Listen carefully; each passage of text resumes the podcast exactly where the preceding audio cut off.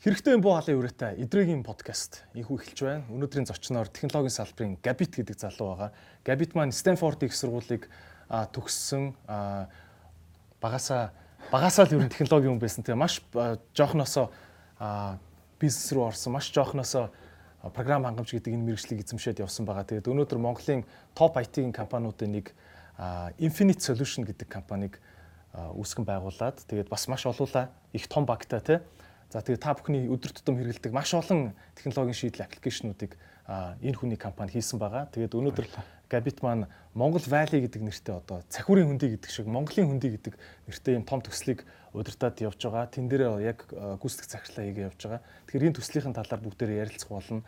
А мөн бүгдээрээ ер нь бол тэгэл Монгол залуучуудын нэг нэгдмэл юм байгаа шүү дээ тий. Бүгдээр яаж их орногоо болох юм бэ гэдэг сэдв байгаа шүү дээ. Яаж өөрсдөө айтайхан амьдрах юм бэ гэдэг. А энэ сэдвүүдээр нэлээд том сэдв ярих гэж бодож байна. Габити өмнөх ярианууд дээр бол өөрхөн компани ноу хавыг ярьсан зүйл бас их байдаг тий. За окей. Тийм учраас Габитас шууд Монгол байлигийн талаар би асууж эхлэмээр байна л да тий. Энэ санаа хаанаас орж ирсэн? Монгол байли гэдэг нь одоо зүгээр нэг дараагийн нэг эх орноо хөгжүүлэх гэдэг нэг дараагийн төслөө тий.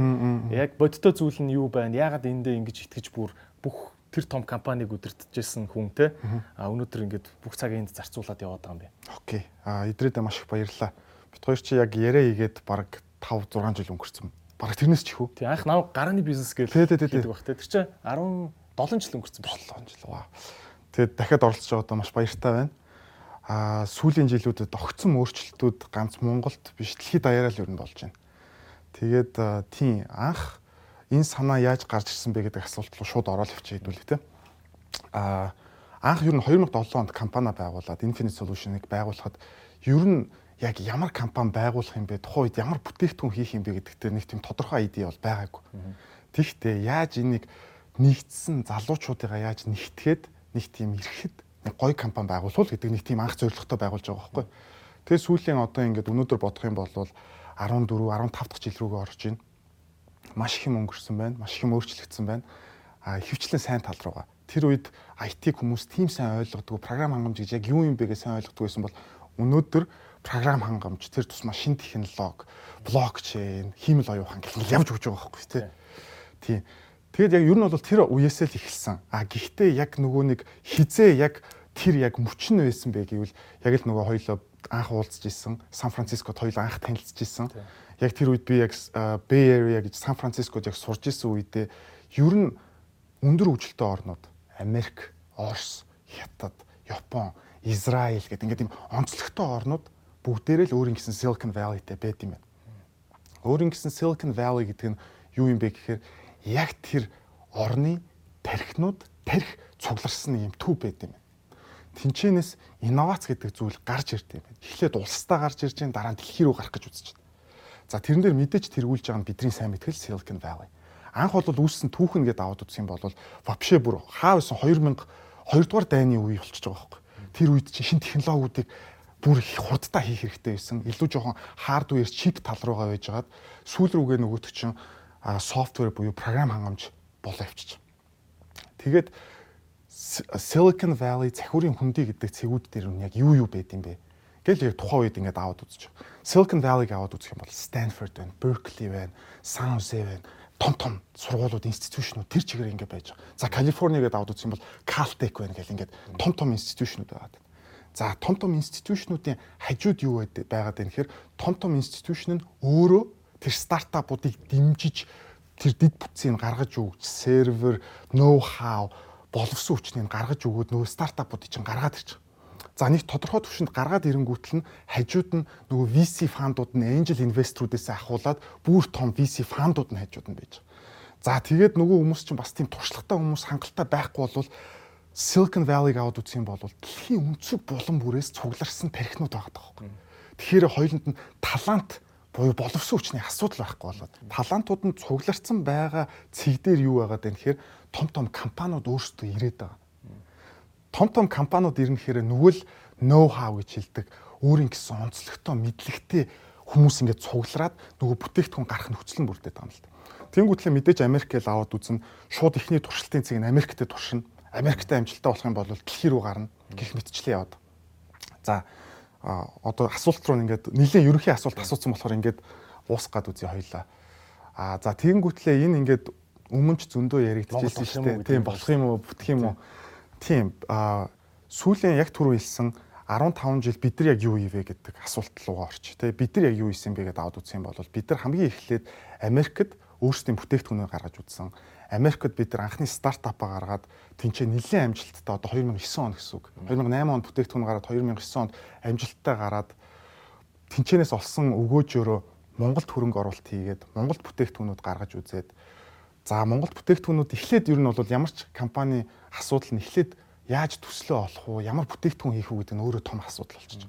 За тэрийгээ давчиж байгаа. Тэгсэн чинь дараа нь хангалттай боловсон хүчин талантууд гэдэг нэг асуудал гараад ирчихэж байна.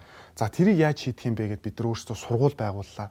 Nest Academy гэж эхэлж байгууллаа. Дараа нь Nest сургууль гэд орлоо. Ер нь зорилго нь яаж олуулаа болох вэ? Яаж энэ IT-г мэддэг олон хүмүүсийг бий болгох вэ? Яг тэр хангалттай тэр хүмүүс бий болохгүй байгаад нь шүү дээ. Дээд сургуулиуд маань хангалттай продюс үйлдвэрлэж чадахгүй байгаад нь шүү дээ. Гэдэг л асуудал гараад ирж байна. За тэнгуүтлээ боловсон хүчний асуудал тодорхой хэмжээнд шийдэгдээд эхэллээ. За тэгээд дараагийн асуудал нь юу болоод эхэлсэн бэ гэхээр яг ингээд өнөөдөр том дотоодоосоо болон гадаадаас хөрөнгө оруулалт авч үзсэн юм уу гэдэг нэг туршлага гараад ирж байгаа. За тэрийн сүүлийн 3 жил гадаадаас хөрөнгө оруулалт авч үзлээ, дотоодоосоо хөрөнгө оруулалт авч үзлээ. За ингээ яваад исэн чинь одоо яг тэр нэг момент нь бүрдэж байгаа юм болов. Талант буюу боловсон хүчин бий болох сургууль нь бий болж байна. За хажууд нь хийх хангалттай стартапууд өнөөдөр манай компани сүүлийн за сүүлийн 15 жилиг аваад юм бол вообще 20 гаруй стартап хийсэн. Тэр тэрнээс ч их бах. Гэхдээ амжилттай энэ аваад үзэх юм бол 10 л болж байгаа. Амжилттай гэдэг нь харьцангуй ойлголт. Өөрөөр хэлэх юм бол одоо өөрөө өөрийгөө тижээх чадвартай буюу одоо sustainable гэж хэлдэг. Тэр модель руугаа орсон тэд байгаа. Тэгэхээр окей, стартап инкубатор гэдэг ойлголт нь бүрдээд байгаа юм байна. Боловсон хүчин гэдэг ойлголт нь бүрдээд байгаа юм байна. Хөрөнгө оруулалт гэдэг ойлголт нь бүрдээд байгаа юм байна. Окей, одоо энэ момент чи яг бий болоод байгаа юм шүү. За тийм болохоор одоо яг сургууль дээр адилхан байхгүй яг Nest дээр бид нар бид нар ингээл а бана боловсролын систем болохгүй байх, ерөөсөө юу ч болохгүй байх гэд хилээд байх бол нэг хэрэг байхгүй тий. Яг ясэм дээр тэр нэг тоглоогоо хоёулаа боловсролын салбарт ажилладаг. Тэр тоглоог өсрээд орох юм бол шал өөр байхгүй тий. Тийм болохоор тэр лүү заавал ингээд нэг тал дээр нь шүмжлэгч гэхээсээ илүү өөрсдөө гар биеэ оролцуулаад хийгээд үзье. Хийгээд үзсэн үр дүн гарсан. Залуучуудыг зөв чиглүүлэх юм бол сая Digital Nation 21 дээр манай сургуулийн хүүхдүүд өөрсдийнхөө демо day гэдэг бүтээгдэхүүнүүдийг үзүүлж байгаа байхгүй солиотой. Зүрлэх шин 6 дугаар ангийн хүүхд, 7 дугаар ангийн хүүхд, 8 дугаар ангийн хүүхдүүд шүү дээ. Юм 20 та хүүхдүүд би яриаг байгаа байхгүй тий. Тэгэхээр тэр боломж нь байгаа юм байна. Тэгвэл өнөөдөр толгой нь байна тий. Толгой нь байна. Талант нь бас би боловсруучч нь би болоод эхэлчлээ. За тийм болвол өнөөдөр энэ Монгол Valley гэдэг ойлголтоо хідүүлээд түгээгээд анхны уурайнд дэлхийн үндсэн булга бүрт байгаа талантууд, боловсруучч монголчууд нэгдэх ёстой заавал би Монгол руугаа эргээд байгаа биш байхгүй. Одоо чи юмнууд хангалттай хөгжлөө. Ковид хэдүүлэнгийн зайнаас ажилдаг чадварыг заагаад өвчлөө. Хүссэн үсээгүй л одоо тийш орчлоо шүү. Тийм чин тэнд байгаа дэлхийн үндсэн болон бүрт байгаа хүмүүсийн бүгдээрээ нэгтгэхэд яг Монголын тарих болох тэр цэгийг л та. Дэлхийн дэлхийд даяар IT салбар дээр ажиллаж байгаа. Ер нь баг ихэнх нь Америкт байлээ. IT-ийн салбарт ажиллаж байгаа хүмүүсийн нэгдсэн групп гэсэн чинь баг 1000 хүнтэй групп гэдэг юм л шүү дээ. Хангалттай байгаа юм байна. Яг ингээд нөгөө нэг хоёулаа анх одоо танилцж байгаа тэр үед бол цөөхөн байсан шүү дээ. Тэр үед чинь Америкт 200 хүрэхгүй л хүмүүс байсан шүү дээ. Тийм, даашаа тэрнээс ч багаж магадгүй те. Яг одоо бидний үеийн залуучууд гэх юм бол Facebook-ийн мэрэгэн, Apple-ийн хамглан тэгэл баг болоо. Тэгэл өөр батлага. Тэгэл батлага. Тэгэл дацээд байсан бохгүй. Тэгэл болохгүй те. Тэгсэн чинь өнөөдөр харах юм бол стол чиний хэлдгэр 1000 бараг тэрнээс ч их болцсон байгаа байхгүй тий. Өөртөө нэг нь ингээд зүв замаа заагаад олуулаа тийшээ яваад байгаа нь би бол зүв гэж боддог. Хүмүүс ингээд өө яага яваад байгаа. Бид нар тийшээ яг одоо технологийн төв болсон газраас сурах юм айгүй их байгаа. Боловсрох хэрэгтэй. Юм үзэж нүд тайлах хэрэгтэй. Тэрний дараа бид нар аа технологи гэдэг чинь ийм юм болоод байгаа юм байна. Хэдүүлээ ингэж хөгжүүлэх ёстой юм байна гэдэг нэг ойлголттой болчихдог. За хоёул IT гэдээ ярьчлаа тий. Тэгэхдээ яг өнөөдөр боловсон хүч ингээд аваад үзэх юм бол ганц IT гэхээсээ илүү зүгээр бидний харж байгаа айгүй олон салбар дээр одоо ажиллаад үзлээ л багш нар айгүй хомс байна. Санхүүгийн хүмүүс бас хомс байна. Яг сайн хүмүүсийг би одоо хэлээд байгаа юм л та тий. Сайн хүмүүс хомс байна. Тэгэхээр яг мэрэгчл болгоны боловсон хүчний асуудал угаасаа гараад ирсэн. Тэгэхээр дэлхийн өнцөг булан бүрт байгаа тархинууд гэж хэлээд байгаа нь болохоор ганц IT гэвэл бас өрөөсгөл болчиход байгаа. Яг тэгвэл ганц IT бизнес бол. Аа яг зөв. Ганцаараа бол бүтээгдэхүүн болж чадахгүй тий нэг гоё бүтээгдэхүүн хийгээл хэдэг зах зээл дээр яаж гаргах юм, яаж маркетинг хийх юм, яаж нөгөөтгөө хүмүүст ойлгуулах юм. За тэгээд нөгөө орлого нь ороод ирсэн чинь нөгөө санхүү чинь замбраагүй болоод эхлэн тэгсэн чинь нөгөө технологи хөгжүүлж байгаа хүмүүс чинь хаяа бас хуулиа судална гэж байхгүй шүү дээ. Яа тэр инновац чинь тодорхойгүй байхгүй. Тийм болохоор чинь тэнд ингээ хуулийн хүмүүс гэл ингээл нэг юм бүхэл бүтэн нэг юм баг бүрдчихэж окей яг түрүүний хэлээд байгаа бүтээгдэхүүн гарч ирж байна. Өнөөдрийн дугаарыг спонсор Ecos цэвэр ус байгаа. pH 8.5 буюу маш зөөлөн ус гэсэн үг. Та бүхэн ийм гоё зөөлөн усыг хэрэглээд заншчих юм бол ер нь их ус голдог болно доо. Тэгээд одоо Японч гэх юм уу хүмүүс нь урт насалдаг газруудыг судлаад үзэхээр дандаа хэрглэж байгаа энэ усныхын чанартай холбоотой байдаг. А ялангуяа энэ хүүтний улирал болж байгаатай холбогдуулаад манай монголчууд бас ус баг уудаг ийм үзэгдэл ажиглагддаг. Ягаад гэвэл хүүтэн учраас их шээс хүрдэг гих мэт шалтгаанууд үүдэг. Гэхдээ ер нь бол хүн бол баг өдөрт өдөрт эрүүл мэндийн мэрэгчлэнүүд бол 10 10 11 удаа өдөрт бол шээж явах хэрэгтэй гэж хэлдэм билээ. Тэгээ та бүхэн шингэнэ байнга нөхж байгаараа ялангуяа хүүтний улирал эхлэхээр бид бүхний махны хэрэгцээ их болдог. Тийм учраас мах их идж байгаа үед хүний биед одоо маш их минерал цуглардаг. Ялангуяа энэ үе мөч нь өвддөг болдог. Энэ нь бол ус ууж тэр хэрэггүй минералуудаа бас хөөж явахгүй болвол тулаа өвчний бас үндэс суур болдог байгаа шүү. Хүний биед жоохон лавшруулад ярих юм бол хүний биед одоо шээсний хүчил буюу юрик acid гэж байгаа. Энэ зүйл маань болохоор махны их хэрэгцээтэй холбоотой байдаг. Энэ зүйл ихээр хоримтлагдсанаар одоо үе мөч шохоожж өвддөг болдог. Ийм тулаа өвчний үндэс болдог байгаа. Монголд маш илбэг байдаг. Тийм учраас та бүхэн байнга цэвэр ус ууж шингэний хэрэгцээгээ нөхж байгаарай гэж зөвлөмөр байна. Экос уст баярлаа. Экос. Эрүүл амьдралын ус. Одоо ингээд Apple компани шин загвараасаа эхлээд Intel компани чип процессор дотор нь байдаг байсан бол энийг халж хаяад өөрсдийн гэсэн чипийг гаргаж ирж байна тийм. Чипийг гаргаж ирж байна. Аа ингээд яг юм хардвер гэж яриад байгаа одоо энэ битийн материалын инновацийн хувьд бол гүйцэтгэхийн аргагүй дэлхий ингээд цааш явшлаа л да тий. Apple Intel-ийг хүртэл ингээд жиж ин гэхээр одоо тийшээ бол хэзээ ч Монголын чип Apple-ийн компьютер руу орохгүй юм шиг санагдаж штэ тий. Аа мөн ер нь яг юм одоо суур технологиуд дээр ярьж байна. Суур технологиуд за одоо Ethereum тэгж байна тийм. Ethereum гэхэд Ethereum-ыг зэрэг нийлээд дэлхийд даяар хөгжүүлж байгаа инженеруудын тоон 200 мянган инженер занаач гоё гих шиг тийм. Ийм олон тарих дэлхийд даяар ингээд нийлээд нэг технологиг дундаа хөгжүүлдэг болцсон үед нэг 5 монгол залуу нийслэнэ дэлхийдээ өрсөлдөнө гэдэг ингээд тийм. Яг суур технологийн хувьд бол ярьж байгаа шүү тийм. Тэгэхээр инновацийг габит юу гэж харж байна? Инновац гэхээр одоо юу юм те инновац гэдэг үг яг яг юм дээр үе үеийн засгийн газар гарч ирэл. Инновацийг хөгжүүлнэ инновацийн яасан гэл энэ үгийг баг ингээ өлег болтол нь яриа ичлээ шүү те одоо ийм юм ингээ чамд ярихад тий. ямар хүн санагч амар гоё асуулт байна. Бүр аюу гоё асуулт шүү. Тий инновац гэдэг одоо хоёул яг суур асуулт руу очих юм бол инновац гэдэг нь өөрөө энгийнээр шинэ эдийн засаг бий болгох л гэсэн хоёр төрлийн инновац ихэвчлэн байдаг нэг нь disruptive нөгөөх нь incremental за disruptive гэдэг нь За морин тэрэг байж хахад машин гарч ирэх. А Nokia байж хахад смартфон гарч ирэх. Гэх юм. Тооны машин байж хахад компьютер болох. Disruption буюу цоо шин эдийн засаг. Ерөөсө тэн дээр хууль дүрм юу ч байхгүй. За блокчейн. Итэр чин байхгүй те. Ерөөсө юм гарч амжаагүй байхгүй. Ягаад тэгэхээр технологи нь хамаагүй хурдтай нөгөө хүмүүс нь хараад бий болгоцсон. Incremental innovation буюу явц тундаа. Одоо өөрөөр хэлэх юм бол хоёлоо машин эхлээд гаргачлаа штэ Тэрний дараа яаж машин амар их бензин идэх байх юм бол тоотой хэдэн үн хэрэгжилж чадна шүү дээ. Яаж одоо commodity буюу хүн болгон хэрэглэх болох ёстой вэ гэх юм бол нөгөө бензиний чинь бууруулах юм бол бас нэг инновац яа. Incremental инновац. Өөрөөр хэлэх юм бол шинэ эдийн засаг. Алхам алхмаар. Тийм. Алхам алхмаар. Яг зөв. Шинэ эдийн засгийг л бий болохыг хэлээд байгаа. Шинэ эдийн засаг гэхээр тэнд байгаа харилцагч хэрэглэгчдийн тоон өөрөө өмнө хүрч чаддгүй байсан хүмүүс рүү хүрнэ л гэсэн үг. Финтек яг адилхан. EdTech яг адилхан байхгүй. Өмнө хангалттай Харвардын багш руу хоёул өнөөдөр чиний лекцийг өнөөдөр уншигээд хуучин заавал хаав исэн баян онгор баян үлгээс ирээд энд суун амар зардалтай амар хөдөлмөр байхгүй тий энд байр сав аавна гих мэтчлэн өнөөдөр EdTech-ийн ачаар чиний хичээл заагаал дэлхий Монгол даяар байгаа бүх хүмүүст хүрэх боломжтой болно гэдэг чинь бас инновац байхгүй тий өмнө хүрч чаддгүй байсан газар л хүрчиж байгаа даа. Тэгэхээр инновац бол ийм байгаа даа тий Окей, инновац good. Энийг ойлгочлоо. За хардвер, софтвер гэдэг чи салгачлаа шүү дээ, тий. А наадах чи яг бүр Монгол Valley-тэй яг уяатаа бас нэг асуулт болчихж байна. А хардвер дээр би чамтаа санал нэг хэцүү.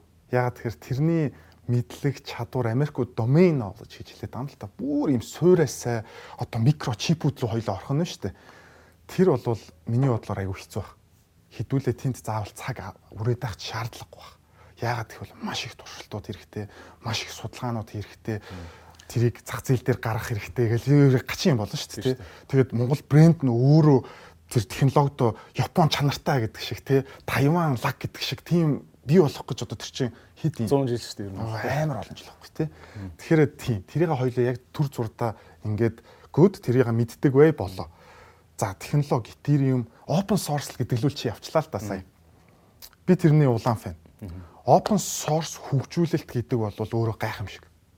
Өөрөөр хэлэх юм бол Ethereum open source-ийн зөндөө unicorn-ууд байна.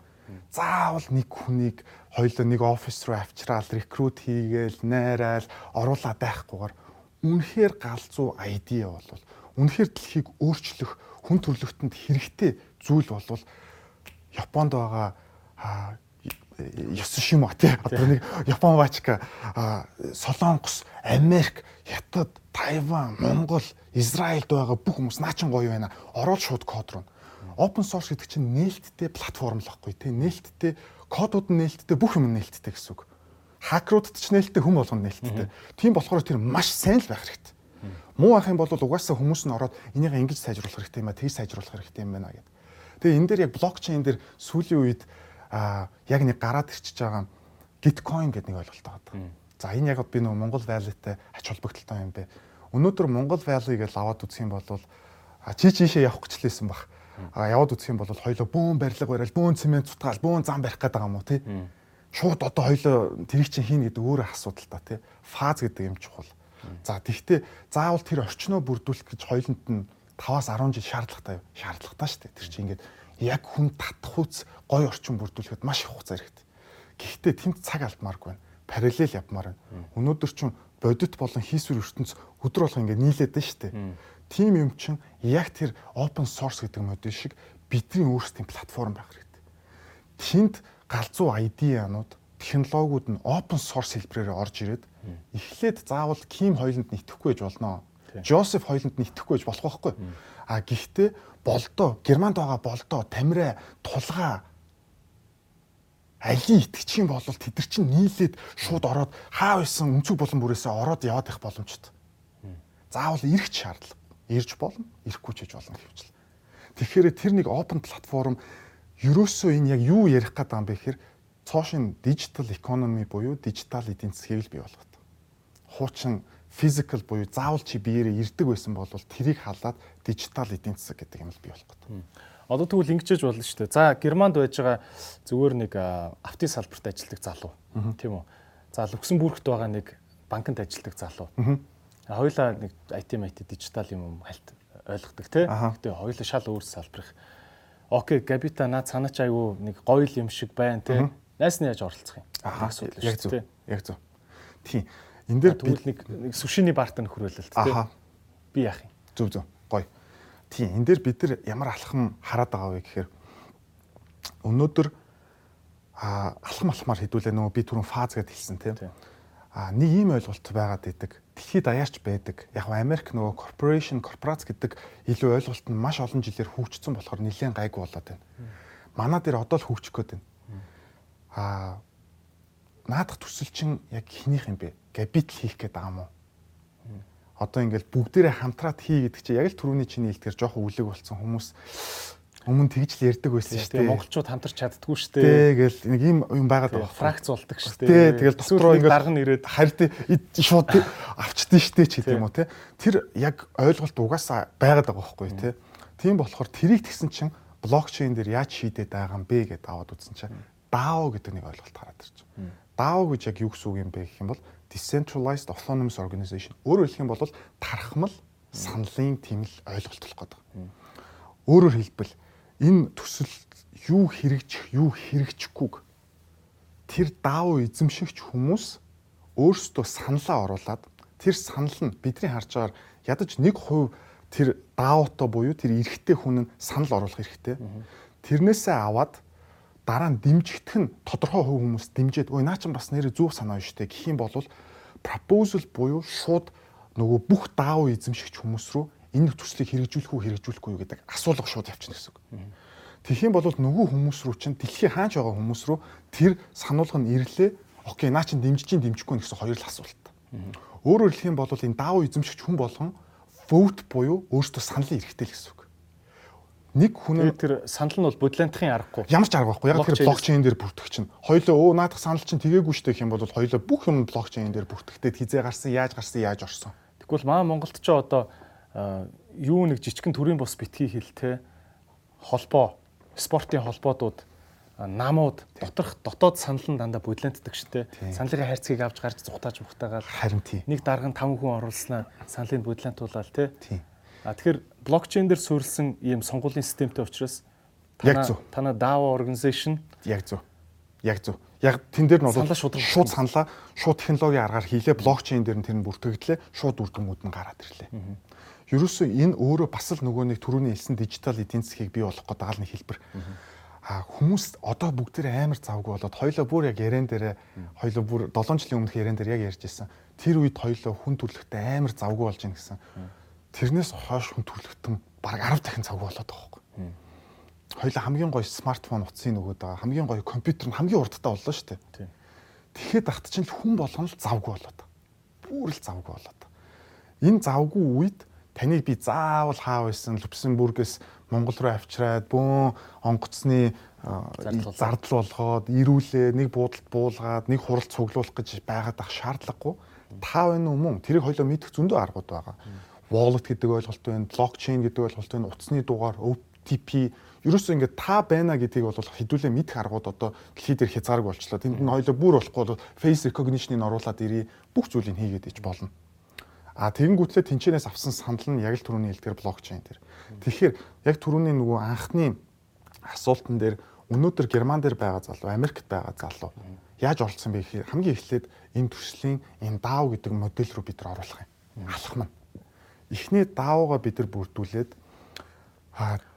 feasible study feasibility study чинь техникийн үзүүлэлт лөө тэр хэвцээ орчуулж байгаа. Тийм бах тий. За feasibility техник юу вэ? Техник тизүү гэдэг. Тизүү, тизүү байхгүй. Тий.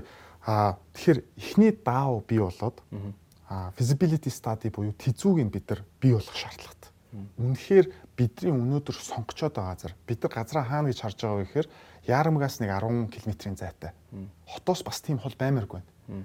Ягаад тэгэхээр энэ өнөөдөр хит хол болох юм бол бид нар очих гэж бас өөрсдөндөө хүндрэл болно. Бүүр бас хотод баймааргүй байна. Ягаад тэгэхээр тэнд бид нар юм орчин буюу valley гэдэг байгаа шүү дээ. Нэг юм өөрийн гэсэн дид бүтцтэй орчин бий болох гэдэг болохоор хотоос хит хол биш ойрхон. Гэхдээ тэр нь габитын газар биш. Энэ олон хүмүүс их гэдэг. Яг зөв. Энэ нэг даав эзэмшигч буюу Монгол Valley даав буюу организашных. Энэ нь бол хүн болгоно гэсэн үг. Тэрийг үрэл энэ өөрөө тийм дэлхий дээр бас яг хангалттай дүнгиж эхэлж байгаа. Одоо хоёлоо нөгөө түрүүн хэлсэн шүү дээ. Хардвер буюу нөгөө техник хангамж дээр хоцорсон байна. Хэдэн зуун жилээр хоцорсон байна. Тэгвэл мэдээлэл технологи програм хангамжн дээр хоцроогүй байгаа юм бол яг энэ даавч хүртэл дэлхий дээр одоо л яригдчихэж байгаа зүйл. Одоо Америкийн муж анхныхаа мужаа бид нар даав болгоно гэж яриа сууж байгаа байхгүй. Өөрөөр хэлэх юм бол Wyoming гэд өөрийгөө даав болгоно гинэ. Яа гэсэн чинь за мэдээч тэнд чинь ингээ менежмент гэдэг хүмүүс нь бол арт хүмүүс сонгоо гаргаад ирж байгаа нөгөө одоо government сенатууд нь гэсэн үг. За тэд нар ингээ гараад ирчлээ. Тэнгүүтлээ тэд нар чинь за тэнд нэг юм сургууль барья. Тэнд нэг юм спорт комплекс барья гэл юм хийн штэ тий. Тэр нь тэх юм бол даавгаараа буюу нөгөө арт түмэн нь vote хийн гэсэн үг хүмүүс. Тэгвэл арт түмэн нь одоо ингээл дундаасаа төлөөлөгч сонгоод нөгөө төлөөлөгч нэг ордон дотор хаалттай хуралдаал тий. Тэгж ядаргаа болж ирснаас блокчейн дээр бүгдлэр тий блокчейн дээр бүгдээрээ саналаа өглөө. А санал нь мэдээж яг л нөгөө арчлалынхаа зарчмаар 51% түүнээс дэш болоо. Гэсэн тийм модель руу яваад байна. Бас нэг сонирхолтой юм нь гэх юм бол Америкийн компаниуд, блокчейний компаниуд өөрсдийгөө бүрэн даавал оруулах гэдэг. Өөрөөр хэлэх юм бол нөгөө цаасан дээр байдаг компани байхгүй, блокчейн дээр компани орж ирдэг. Бас л одоо л эхэлж байгаа. Тэгэхээр яг түрүү нөгөө хоёлаа бүр анхны асуудал асуулт руу Монгол Valley яагаад яг одоо юм бэ гэхээр энэ бүх дид бүтцүүд бүрдэж эхлэх байгаа юм л та. Блокчейн өмнө хангалттай хөгжөөгүйсэн бол одоо нийл маш сайн хөгжиж эхэлж байна. Хакердуулдаг асуудлууд нь шийдэгдсэн байна. Смарт контрактууд маш сайн болсон байна. DAO гэдэг энэ нэг ойлголт нь гараад ирлээ. Бидний өмнөх туршлагууд байгаад байна. Өнөөдөр IT-ийн салбар гэдээ аваад үзэх юм бол залуучууд нэг үеийнхээ бодоход ойлгоод окей хамтраад хэдүүлээ бүтээл гаргая гэдэг төр бас ойлгодог болсон байна. Тийм болохоор одоо яг цаг нь л гэж бид хараад. Тийм ээ. Аа Габит хэллээ те хүн болгон завгүй болчихно гэж байна. За ингээд цахиурын хүндэ гэдэг шиг Монгол хүндийг ингээд хийх гээд газраа бол зохицуулсан байгаа даа тий. Ямар ч үсэн нэг эхлэх бол газартай байна. Тийм ээ. Дэлхийд даяар хүмүүс бол оролцдгоор бол оролцчихно. А үнэхээр ирээд ингээ юм хийдэг нь хийн. Монгол компаниуд тийшээ бөөнөрөө нүүж очиж цуглана. Нэг иймэрхүү юм төсөөлөгдөж байна. А тэгээд энэ саналын эрх нь бол дэлхийд даяар тархмал байдлаар байдаг. Олон мянган хүн саналаа өгөөд явдаг юм баг дижитал аймаг юм уу та тий. Дижитал нүдэнд харагдахгүй дижитал аймгийг бий болгож байна тий. Яг зөв. За тэгээ нутгийн зөвлөлийн дарга нь бол одоо баг гэж болж байна тий. Тэгэхээр бүгд завгүй яг уу yes no гэдэг саналыг хинч өгөөд чадна тий. Тийм. А яг тэнд ингээд гар бие оролцоод 100% цагаа гаргаад ажиллах хүн чамаас өөр хин байх юм. Тэр баг нь ямар бүтцтэй байх юм. Энд ч одоо наандаж л тэр юу хүндэд нэг хитэн байш маш барин үсттэй ч гүн ажил болно үсттэй. Тэгэл баха. Ямар ямар ажлууд яг ингэж биетээр хийгдэх юм. Гой. Айгуу зүг асуулт. Аа одоо за DAO holders гэдэг байгаа нь болохоор хөрөнгө оруулагч нар гэдээ ойлгож болно. Аль эсвэл оролцогч нар гэж ойлгож болно. Тэр нь бол технологийн хөгжүүлэлтэнд нь оролцох хүмүүс мөн яг хоёлынгийн сая хилээд та одоо яг энэ value-га бий болгох хүмүүс. Бий болох хүмүүс гэдэг нь тэр одоо барилга, байгууламж гих мэтлэн гэсэн үг. Окей. А тэр бүтцэн ямар харагддгөө гэхээр за DAO холдрын доор болохоор менежмент гэдэг нэг ойлголт байгаа. Тэр нь хин бэ гэхээр одоо яг л одоо компаниар бол CEO, CFO одоо одоо уламжлалт компаниар гэх юм бол CEO, CFO, CMO, CTO гих мэтлэн хүмүүс. Тэрийг бид нар юу гэж нэрлэдэг вэ гэхээр ганц бид нар ч тэрийг зохиоцсон юм биш. DAO компаниуд юу гэж нэрлэдэг вэ гэхээр work stream гэж нэрлэдэг. Work stream-ууд ингэ бий болгож байна гэсэн үг. Work stream болгонд нь эзэд байна, хүмүүс байна гэсэн үг. Эхний ээлжинд мэдээж хідүүлээ яг өнөөдөр даав хоолдрууд нь байхгүй байгаа болохоор бид нар эхний менежментээ бид нар өөрсдөө бий болгоно. Өөрсдөө бий болохдоо ганц габит шууд ингээ багаараа бүрдүүлэхгүйгээр бид нар Монголд уучлаарай Монголд технологийн салбар дээр ажиллаж байгаа компаниудтайгаа бид хамтраа явна. Тэн дээр жишээлбэл одоо ингээл олон жил яг хүч хөдөлмөрөөр гаргаж байгаа компаниуд Mizorn гэх компани байна. Бид нар хамтраад ажиллана. Манай Infinite Solutions байна. Манай сургууль байна. Гих мэтчлээ ингээд бид нар ингээд ар араасаа ингээд хүмүүстэй уулзаа яваад байгаа, компаниудтай уулзаа яваад байгаа. Тэгээд тэдрийг цуглуулад а маргааш би Америк явах гэж байгаа. Гол зорилго нь болохоор тэнд ажиллаж амьдарч байгаа монголчуудтай, инженерүүдтэй, боловсон хүчнүүдтэй уулзаад ийм ажил эхлэх гэж шүү. Энэ ажил одоо эхлээд та хэд сонирхолтой оролцмоор байгаа хүмүүс нь бүртгүүлээрээ гэд бид нар бүртгэлээ хийгээ явах. Тэгээд бид нар бага бүртгүүлнэ гэсэн үг. Эний хамгийн чухал зүйл яг даав гэж аваад үзээд байгаа. Нарчлал гэдэг юмны чинь хамгийн чухал зүйл нь бити тэрийг нэг тийм улс төрийн хиллэг болохоор одоо democracy л гэсэн үг байхгүй тий. Тэр нь юу гэсэн үг вэ гэдээ аваад үзэх юм бол хамгийн чухал зүйл нь diversity буюу тал талын хүмүүс. Өөр өөрийн онцлогтой хүмүүс. Өөр өөрийн онцлогтой боловсон хүчин ганц нэг компанид л ажиллаад исэн хүмүүсээс нэг л айдиа гардаг байхгүй тий. Гаднаас нэг хүн ороод ирэхээр нэг арай өөрөөр хардаг ш нэг хажуунаас та хэд энэ дээр алдаад байгаа юм биш тий. Дахиад гаднаас нэг өөр хүн ороод ирэхэд та хэд энэнээс алдаад байгаа юм биш тий.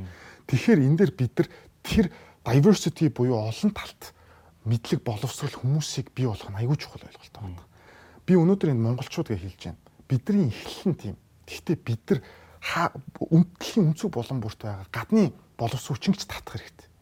Тэдрийг хангалттай авчирж ирэх гой орчныг бүрдүүлэх хэрэгтэй. Тэр даав яагаад сонирхолтой байгаад юм хэр энэ дэлхийд шинэ байхгүй. Тийм болохоор дэлхийн өнцөг булан бүрт байгаа нөгөө нэг галзуу хүмүүсүүд чинь айгүй сонирхолтой байхгүй. Хүүе юу Монгол Valley гэдэг ийм даав тэр нэг ийм компани бий болоод тийм. Тэр баг одоо тайм сэтгүүл дээр гарч магадгүй шүү дээ. Боломжтой байхгүй. Яагаад тэгэхээр энэ өнөөдөр дэлхий дээр яг ингэ хийцэн даав хаана байгаа? Байхгүй.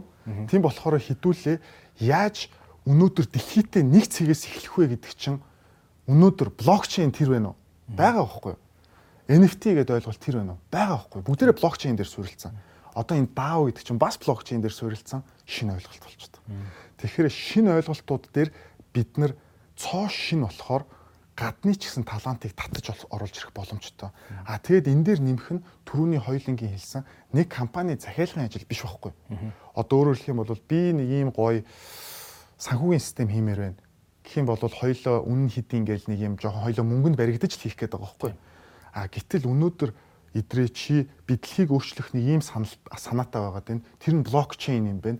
Төлбөрийг дэлхий дээр ингэж өөрчлөх хэрэгтэй юм байна. Төлбөр тооцоо нэг л миний санаанд хүрэхгүй байгаад байна энийгээ би open source хиймээр байна. Гэл зарлахад бас сонирн байхгүй. Өөрөөр хэлэх юм бол хуучин компани захиалгууч хийдэг гэсэн бол одоо open source чинь санаачлагчуд нь нөгөө талаасаа явдаг. Тэгэнгүүтлээ одоо өнөөдөр open source аюул олон unicorn-ууд байгаа. Анх open source-оос эхэлсэн. Тэгэнгүүтлээ нөгөөх нь бүр амар томрол Confluent гэдэг нэг компани байна. Тэр нэм стримингийн компани тэр эдгэр чин анх бол зүгээр ингээл хоёлоо сууж байгаа за open source хийгээл ингээл мундаг инженерүүд кодын бичээл маркетрууд нь хийгээл яваад исэн чинь одоо том том VC-нууд Sequoia Investment эдгэр чин хүртэл ингээл инвест хийгээл нөгөөд чинь үжээ unicorn болчихж байгаа юм. Тэгэхээр Монгол Valley ямар ач холбогдолтой юм бэ гэхээр өнөөдөр тархиа хэдүүлээ цуглуулах гэдэг нь боловсон хүчнээ бий болгох гэдэг нь дэлхий дээр гарах unicorn-ыг бий болгох гэдэг. Энийний тулд diversity буюу тал талын мэдлэгтэй хүмүүс л хэрэгтэй. Окей. Аа за жишээ нь Монголдо одоо ингээд хөөрхөн амиа болгоод байгаа компаниуд шүү дээ тий. Энэ компаниуд Монгол Valley дээр очсноор ч юм уу Монгол Valley-тэй холбогдсноор юм уу тий. Яаж яаж одоо яг бизнес нь томрох юм гэдэг кейс хоёлоо ярил л та тий. За жишээ нь одоо за Me Learn гэдэг аппликейшн байдаг тий. Энэ аппликейшн бол одоо олон хүмүүст онлайн хичээл хүргэдэг аппликейшн. Зөв. Зөв. За энэ чинь баг нь хитэн залууч үдний 10 залуу байгаа болов тий. За энэ компани Монголдо яг ингээл хөөрхөн төгрөг олвол нэг тэтийн хичээлийг худалдаж авал 50 төгрөг шүү 100 төгрөг шүү гэлгээл зардаг. За энэ компани жишээ нь одоо энэ даавууд чинь нэлсэе. Яг зөв. Би тэгээд дэлхийд гарахад даавуу надад туслах юм уу? Яг зөв. Монгол вайли надад яг яаж шаардлагатай. Наач та аюу. Манай энэ 10 цал одоо яах юм? Гоё асуулт. За ингээ ирээ. За тэгвэл юу гэх вэ? Гоё асуулт. Аа тэр компаниудад хоёлоо эхлээд тэр компаниудад одоо тулгарх асуудлуудыг хоёлоо харъя. Өнөөдөр өөрсдийгөө Монголд болгоод байна гэд хэлж байгаа тийм. Өнөөдөр Монголд хэрэглэгчдийн тоон ихсээд ихсээд хит хүрэх үү? Сая. Сая. Энэ бол амар амжилт шүү дээ. Тийм шүү дээ. Сая эргэлэгч гэдэг бол Монголын хувьд бол дрим шүү. Мөрөөдөл байхгүй тийм шүү. Агуу байхгүй. Тэрийг бий болгосон компаниуд бол үнэхээр amazing, мундаг. За тийм боллоо. За сая хэрэглэгчийн хандлт, ачаалал тэр хүмүүсийг байнгын аз жаргалтай хэрэгтэй мэдээллийг хүргэхэд чамд тэр 10 хүн хангалттай. Маш хэцүү те. Одоо хоёлоо тент чинь технологи бүр сайн сайжруулах хэрэгтэй. Сая бид нар манай дээр ч гэсэн би бол яг л бодитоор байхгүй. Манай дээр ч айгүй асуудлууд байгаад байгаа байхгүй. Сая систем рүү дүнгиж нэг 100 200 мянган хүн хандхад л системүүд унаад байгаа байхгүй. Бодитоор манай дээр ч унж байна. Яаж сайжруулах юм? Хангалттай боловсон хүчин байхгүй л байгаа. За нөгөө meal learning гэдэг нь за хоёул meal learning-ийн жишээн дээр аваад үзье. Тэн дээр бол шинэ контентууд байнгын хийх хэрэгтэй. За тэрийг ингээд яаж өнөөдөр жижиг компаниудын проблем 0-оос 1 гэдэг нь одоо 0-оос 1 гэдэг дээр бид нар хийж чадаад ах шүү. Өөрөөр хэлэх юм бол өнөөдөр бүтээгдэхүүн ID байж байгаад ямар ч үсэн нэг хүмүүсийн гар дээр хүрээд 100 мянган хэрэглэгчтэй болж чадчихна компаниуд чадчихж байгаа шүү тийм. Стартап компаниуд бүгдээрээ чадчихж байна. Good. Энд чинь 0-оос 1 байхгүй тийм. За 1-ээс 10 гэдэг нэг ойлголт байгаа гэдэг. Одоо компани хөгжил бий ярих гэдэг ш. 1-ээс 10 гэдэг ойлголт нь юу шаардлагатай вэ гэхээр менежмент шаардлагатай. Дисциплин шаардлагатай. Мөнгөө зөв менеж хийж чадчихна уу? Дараагийн зөв хөрөнгө оруулалтанд оруулж чадчихна уу? Багаа зөв томруулж чадчихна уу? Ашиг орлого нь зөв таарч болж гинэ гэдэг нэг менежмент. 10-аас 100 гэдэг нэг ойлголт гарч ирж байна. Тэр нь болохоор scale буюу яаж олон олноор нь бий хитэн сая те хитэн сая хүнд бий болгоо. Дэлхий гэж хоёлоо ингээд бид нар аягүй лаглаг ярьдیں۔ Гэхдээ бид нар дотооддооч бас яг саяга бүрэн менеж хийх боловсон хүчин ховор байгаа шүү. Яг нэг үгүй. Хэлж байгаа байхгүй юу те. Өнөөдөр хамгийн хэрэглэгддэг аппликейшнууд хэдүүлээ ингээд бодох юм бол зүгээр яг хараар боддоор байхгүй те. Дотоодод бол за фейсбુકуд байгаа бах те. Тэр дэлхий дээр хэдэн сая хүн хэрэглэж байгаа шүү. За дотоодын аппликейшн гэдэг аваад үзэх юм бол банкны аппликейшнууд хэрэглэгдэж байгаа. За тэгээд нөгөө хэдүүлээ баримт уншуулдаг аппликейшн л хэрэглэгдэж байгаа. Тэгээд за ийм Монголыг одоо ингээ хүмүүс тэр олон хандлтыг бий болгох гэдэг чинь өөрөө бас урлаг байхгүй тий. Гэхдээ дотооддоо л хэдүүлээ гэж. Яаж олон улс руу гаргахад бид нар болоог байна. Тэгэхээр 0-оос 1-ийг чадчихээн, 1-ээс 10-ыг чадж байгаа 10-аас 100 бидэхгүй. За Монгол вайли руу хоёлоо одоо нөгөөтгөө чирээд оруулаад ирээ. Тэр хүмүүст ямар одоо асуудал гарах вэ гэхээр л яг энэ 1-ээс 10 гэдэг асуудал гарч ирнэ. 10-аас 100 гэдэг асуудал гарч ирнэ. Бид нар тархиа нэг газар төвлөрүүлэхгүй болвол дандаа нөгөө минийх чинийх гэдэг ойлголтоос хэдүүлээ салж чадахгүй байхгүй. Өнөөдөр хэдүүлээ Монголд л өрсөлдөд байгаа шүү дээ. Монголын жилийн нийт дотоодын бүтээгдэхүүн 11 тэрбум л болов их юм. Монгол. Өнөөдөр хоёлаа Apple-ийн Apple гэдэг төр ярьсан Apple-ийн үнэлгээ 2.5 триллион их доллар. 1 триллион руу хүрлээ хүрлээ хүрлээ амар хүмүүс анзаарч байсан шүү дээ. 1 триллион Apple хүрсэн чинь зүгээр гэл зүгээр 2.5 триллион болчихж байгаа байхгүй тий. Бид нар энд 11 тэрбум л ярьж байгаа шүү дээ. Тий хэдийн зөрүү байна гэдэг нь ийм одоо тэд нар энд байхад бид нар энд байгаад байгаа байхгүй тий. Яаж ийшээ ойртох вэ? Яаж нөгөө том бялууг бүр том болгох вэ? Монголын бялууг л том болгох гэдэг байгаа байхгүй. Тэрний тулд Монгол Valley дээр тэр боловсон хүчнүүд нийт хэрэгтэй. Та өнөөдөр Miller-ын өөрийнхөө энэ vision дээр итгэж байгаа гоё штэ болно. Тэн дахиад нэг бүтээгдэхүүн та тэрэндээ итгэж болно. E-commerce, payment, fintech гэл ингээл явж өгнө л доо. Тэдэртээ итгэж байгаа хүмүүс окей.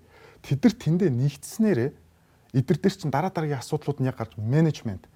Одоо VC funding. Америкууд чинь нөгөө нэг юм venture capital гэдэг байгаа зүйлүүд чинь зүгээр мөнгө өгөөд хаяад идэг биш байгаа байхгүй тий. Тэдний чинь одоо бий болгоод дараагийн шатанд нь гарах дараагийн шатныхаа асуудлыг хийгээд. Танилтаа талтаа болгоод танилтаа талтаа болгоод нөгөө scale гэдэг том гэрээнүүдийг авч өгөөд. авч өгөөд. Бүр утгаараа scale-ийг хийчихэж байгаа байхгүй тий. Тэгэхээр бид нар тэгж чадчих байгаа хангалттай үгүй. Тийм болохоор тийшээ Монгол вайлыг бий болгоно. Америкт байгаа нэг инженерт магадгүй Миллер нь таалагдж байгаа байхгүй?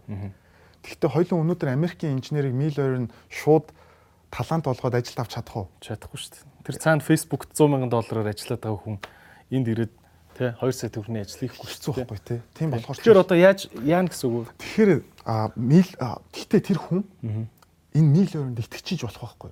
Өөрийнхөө одоо passion энэ надад амар таалагдчихэв тэрэндээ ажиллаж болно шүү дээ. Хоёлоо өнөөдөр нөгөө дижитал эдийн засаг гэдэг юм чинь нэг хүнийг 8 цагийн нэг газраас аваад байгаа биш байгаа байхгүй. Тэр хүн хангалттай итгээд наа чин гоё байна гэх юм бол зөвлөх болж болж байна. Чиглүүлж болж байна. Одоо Монгол чинь тэр айгүй асуудал байхгүй. Нөгөө бид нар чинь нөгөө технологийн хөгжил би чинь нөгөө яг өөрөө 2005 оноос хойш л ороод эхэлсэн. Бор зүрхээрээ явахгүй. Өөрөөр хэлэх юм бол технологи яаж шинжлэгдэж байгаа, ямар өөрчлөлтүүд орж байгааг бид нар хуучин аргаараа л хөгжүүлээд байгаа. Ихэнх нь тэгж байгаа шин зүйлийг нутгшуулж байгаа газар ховор байгаа шүү гэхдээ ховор. Тийм болохоор тэнд байгаа хүмүүс чинь Facebook, Amazon гэтэр чинь хааштай тэр судалгааны баг R&D гэж хэлдэг шүү дээ. Судалгааны баг дээр хааштай дандаа туршилтууд хийгээд байгаа. Тийм болохоор тэр хүмүүсээс тэд чинь хангалттай юм сурч байгаа. Тэр хангалттай Amazon дээр сурцсан одоо яг тэр AWS гэдэг одоо дид бүтсэн байгаа байхгүй серверийнхэн дид бүтсэн. Тэрэн дээр ажилладаг хүмүүс энд нөгөө бор зүрхээр явж байгаа юм чинь нарийн нарийн тохиргоогоо мэдхгүй бол тэр хүн одоо ингээ ингээл хийчих. Өөрөөр хэлэх юм бол тэр хүний нэг цаг магадгүй энэ хүний нэг сартаа тэнцэх байхгүй. Нөгөө хилдэг штэ ямар нэг зүрц зүг байдаг штэ. Өө чи нэг сарынхаа ажлыг энэ дээр үнэлээд тахтаа яад юм бэ? гэсэн чинь хөшөө би энэ нэг сар руу хүрэхийн тулд сүүлийн 20 жилийг зарлаа штэ гэдэг л ойлголт байхгүй. Тэр бол үний юм байлий. Тэрийг бол би өөрөө айгүй хардаг. Efficiency over quantity байхгүй. Одоо хангалттай чи цаг суугаад байгаа нь өнөөдөр тийм чухал зүйл биш болчоод байна. Манайхаа үр бүтээлтэй суух гэдэг нь efficiency нь өөрөө айгүй чухал ойлголт юм байна л гэдэг. Тэгэхээр тэнд байгаа талантуудыг чи хэдүүлээ Монгол вайли дээр цуглуулчлаа шүү дээ. Тэгэхээр энд байгаа компаниуд тэдэрлүү шууд accessтэй нэгт болох нь тэр access нь одоо холбоостой. А за тэр холбоос дээр эдийн засгийн үр дүнгууд нь эдрийн ачаар scale буюу олон хүмүүст хүрээд эхлэх юм бол эдгэр чинь эдийн засгийн сонирхол бий болоод эхэлнэ. Үнэхээр эдгэр томрох боломжтой, Miller-ын томрох боломжтой бол Монгол Valley чинь өөрөө даавуугаараа VC capital, venture capital-та болно. Шаардлагатай бол хөрөнгөч оруулаад ирнэ. Тэгэхээр чи нөгөө даавуугийн даавуугийн гişүүдийн баг баг одоо саналаар а тийм хөрөнгө оруулалтаар баг баг хөрөнгө оруулалт нийлээд Тийм. Хөрөнгө оруулалтын сан үүсээд яг зөв. Хөрөнгө оруулалтын сан үүсээд одоо яваад орж ирсэн. Ороод ирнэ гэсэн үг. Тэгэд хүнтэйгээ хамт ороод. Хүнтэйгээ хамт ороод ирнэ. Тэгэхээр яг тэр компанийн үед хид хідэн давуу тал бий болж байгаа. Нэгт тэр нэг галзуу хүмүүстэй байх орчин амар чухал. Одоо нөгөө diverse гэдэг тал талын мэдлэгтэй аюул чухал. Хоёрт одоо за шууд эдийн засгаар авч үзэх юм бол тэр сангаас шууд хөрөнгө оруулалт авах боломж. За бүтээгдэхүүнээ олон улс руу гаргах боломж. Энэ гурвыг бий болгох шаардлагатай. Яагаад тэгэхээр өнөөдөр Монгол тал талын туршилтууд хийцэн компаниуд байгаа юу байгаа. Танай компани тохиолдол Японтой ингээ холбоотой байна. Тэнд нэг ноу хау байгаад байгаа байхгүй мэдлэг байгаад байгаа байхгүй. Анд глобалын хувьд South East буюу Сингапур руу хангалттай холбоос байгаад байна. Айгу гадны том хөрөнгө оруулалтыг авч үзсэн байна. Манай компани жишээн дээр аваад үзэх юм бол бид нар сүүлийн 2007 оноос хойш Америктэй хамтарч ижиж үзлээ. Тэнд яаж бизнес явдаг, ямар хөрөнгө оруулагч байгааг мэдлээ. Чи ч Америкт баахан төсөл хамтарч хийсэн шүү дээ. Америкуудтай. Тийм. Тэгэхээр чи энэ олон тал талд байгаа мэдлгүүд нэг газар төвлөрөхгүй байгаа байхгүй яг өнөөдөр. Бүгдээрээ тал талд байгаа.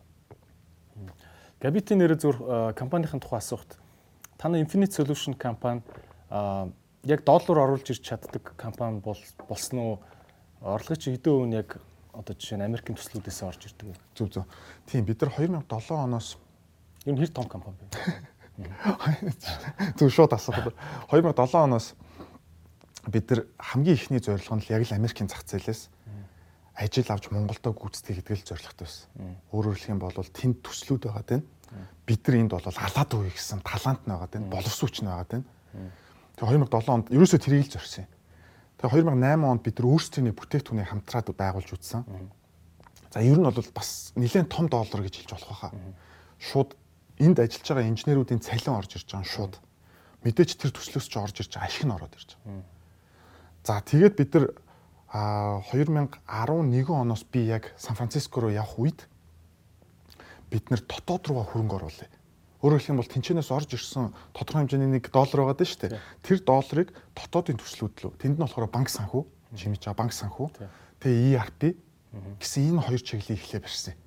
А би болохоор илүү Сан Франциско, Стэнфордын одоо нөгөө community гэж хэлдэг тэнд байдаг хүмүүстэй хамтраад тэн дээр нэлээд олон гарааны бизнесүүд эхэлсэн. Хуулийн гарааны бизнес, CRM гэж хэлдэг харилцагчдыг менеж хийдэг гарааны бизнес, а сүлжээний аюулгүй байдлын гарааны бизнес, а финтек буюу одоо зээлийн модулуудтай, төлбөр тооцооны шийдлүүдтэй бас гарааны бизнесүүдийг хамтдаа хийж үзсэн.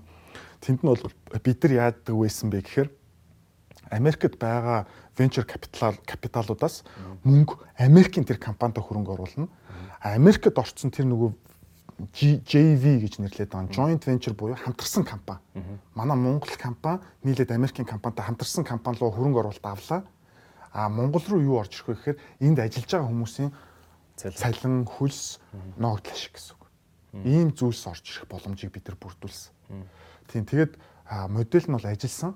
А бид нар сүүлийн за 2016 он хүртэл их сонир явсан л та. Монголын эдийн засаг айгүй дээр байх үед бол Монголд мэдээж борлуулалт сайн.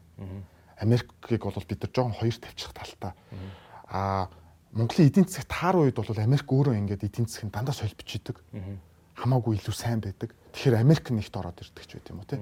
Тэгэхээр нэг юм байгаад байдаг. Сүүлийн 3 жил гэхдээ Монгол бол бас шин шин инновацууд бид нар аюул олон төслүүд л өөрсдөө хөрөнгө оруулаад байгаа.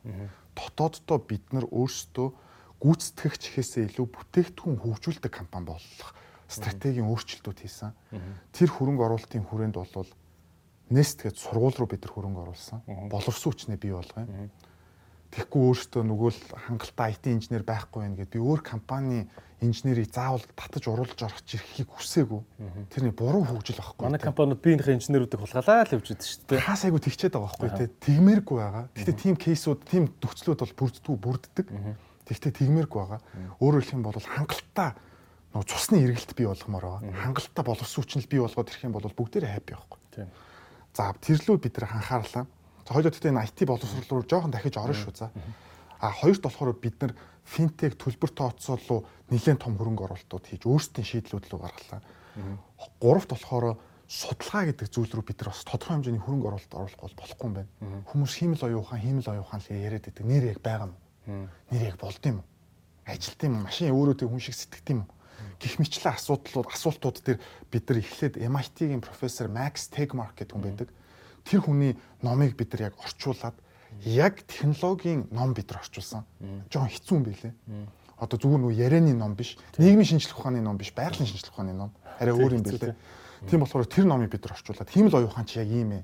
Ирээдүйд ийм болох гээд шүү манайхаа. Хэдүүлээ бэлэн үү бэлэн биш үү. Тэр нь амьдрал 3.0 гэдэг нэртэй ном. Тэгээ бид нар тийм судалгааны баг бий болгосон.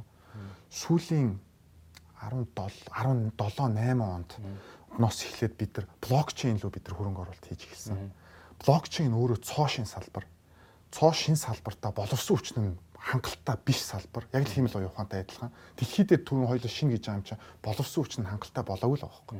Ягаад тэгэхээр бүх юм дээр уламжлалт болон шин гэж байдаг. Одоо Монголд байгаа IT-ийн хөгжүүлэлт бол жоохон уламжлалт тал руу. Блокчейн бол бас шин. Смарт контракт гэдэг нэг молоод ороод ирж байгаа тий. Нэр манай үзэгчд тайлбарлаж өгөөч. Хамгийн энгийнээр смарт контракт гэж юу юм? Тий, одоо смарт контракт гэдэг нь одоо хэдүүлэнгийн за одоо хамгийн энгийнээр бидний мэддэг гэрээг блокчейнд л оруулчихж байгаа. Нэг оруулсан бол блокчейнд одоо нэг тархмал сүлжээнд л оруулчих. Нэг оруулсан бол тэрийг өөрчлөх ямар ч арга байхгүй. Тэрүүгээр л явна. Дижитал гэрээ гэсэн үг. Дижитал гэрээ л гэсэн. Тэгээд блокчейн өөрөө нотрачийн За яг зөв. За яг наач бол нотрацсан шүү гэдэг. Яг зөв, яг зөв. Ер нь блокчейн чинь ер нь бол яг нотрачийн л үрийг гүйцэтгэдэг юм шүү. бүртгэлээ гэсэн үг. Бүтгэж авлаа. Хоёр талдаа асуудалгүй өстэй. Окей. За тамга дарлаа. Бандар бат. Тий. Тэгээд тэр нөгөө нэг юм нодууд дээрээ бүртгэлээ. Тий. Окей. Яг зөв. Яг л тийм гэсэн үг.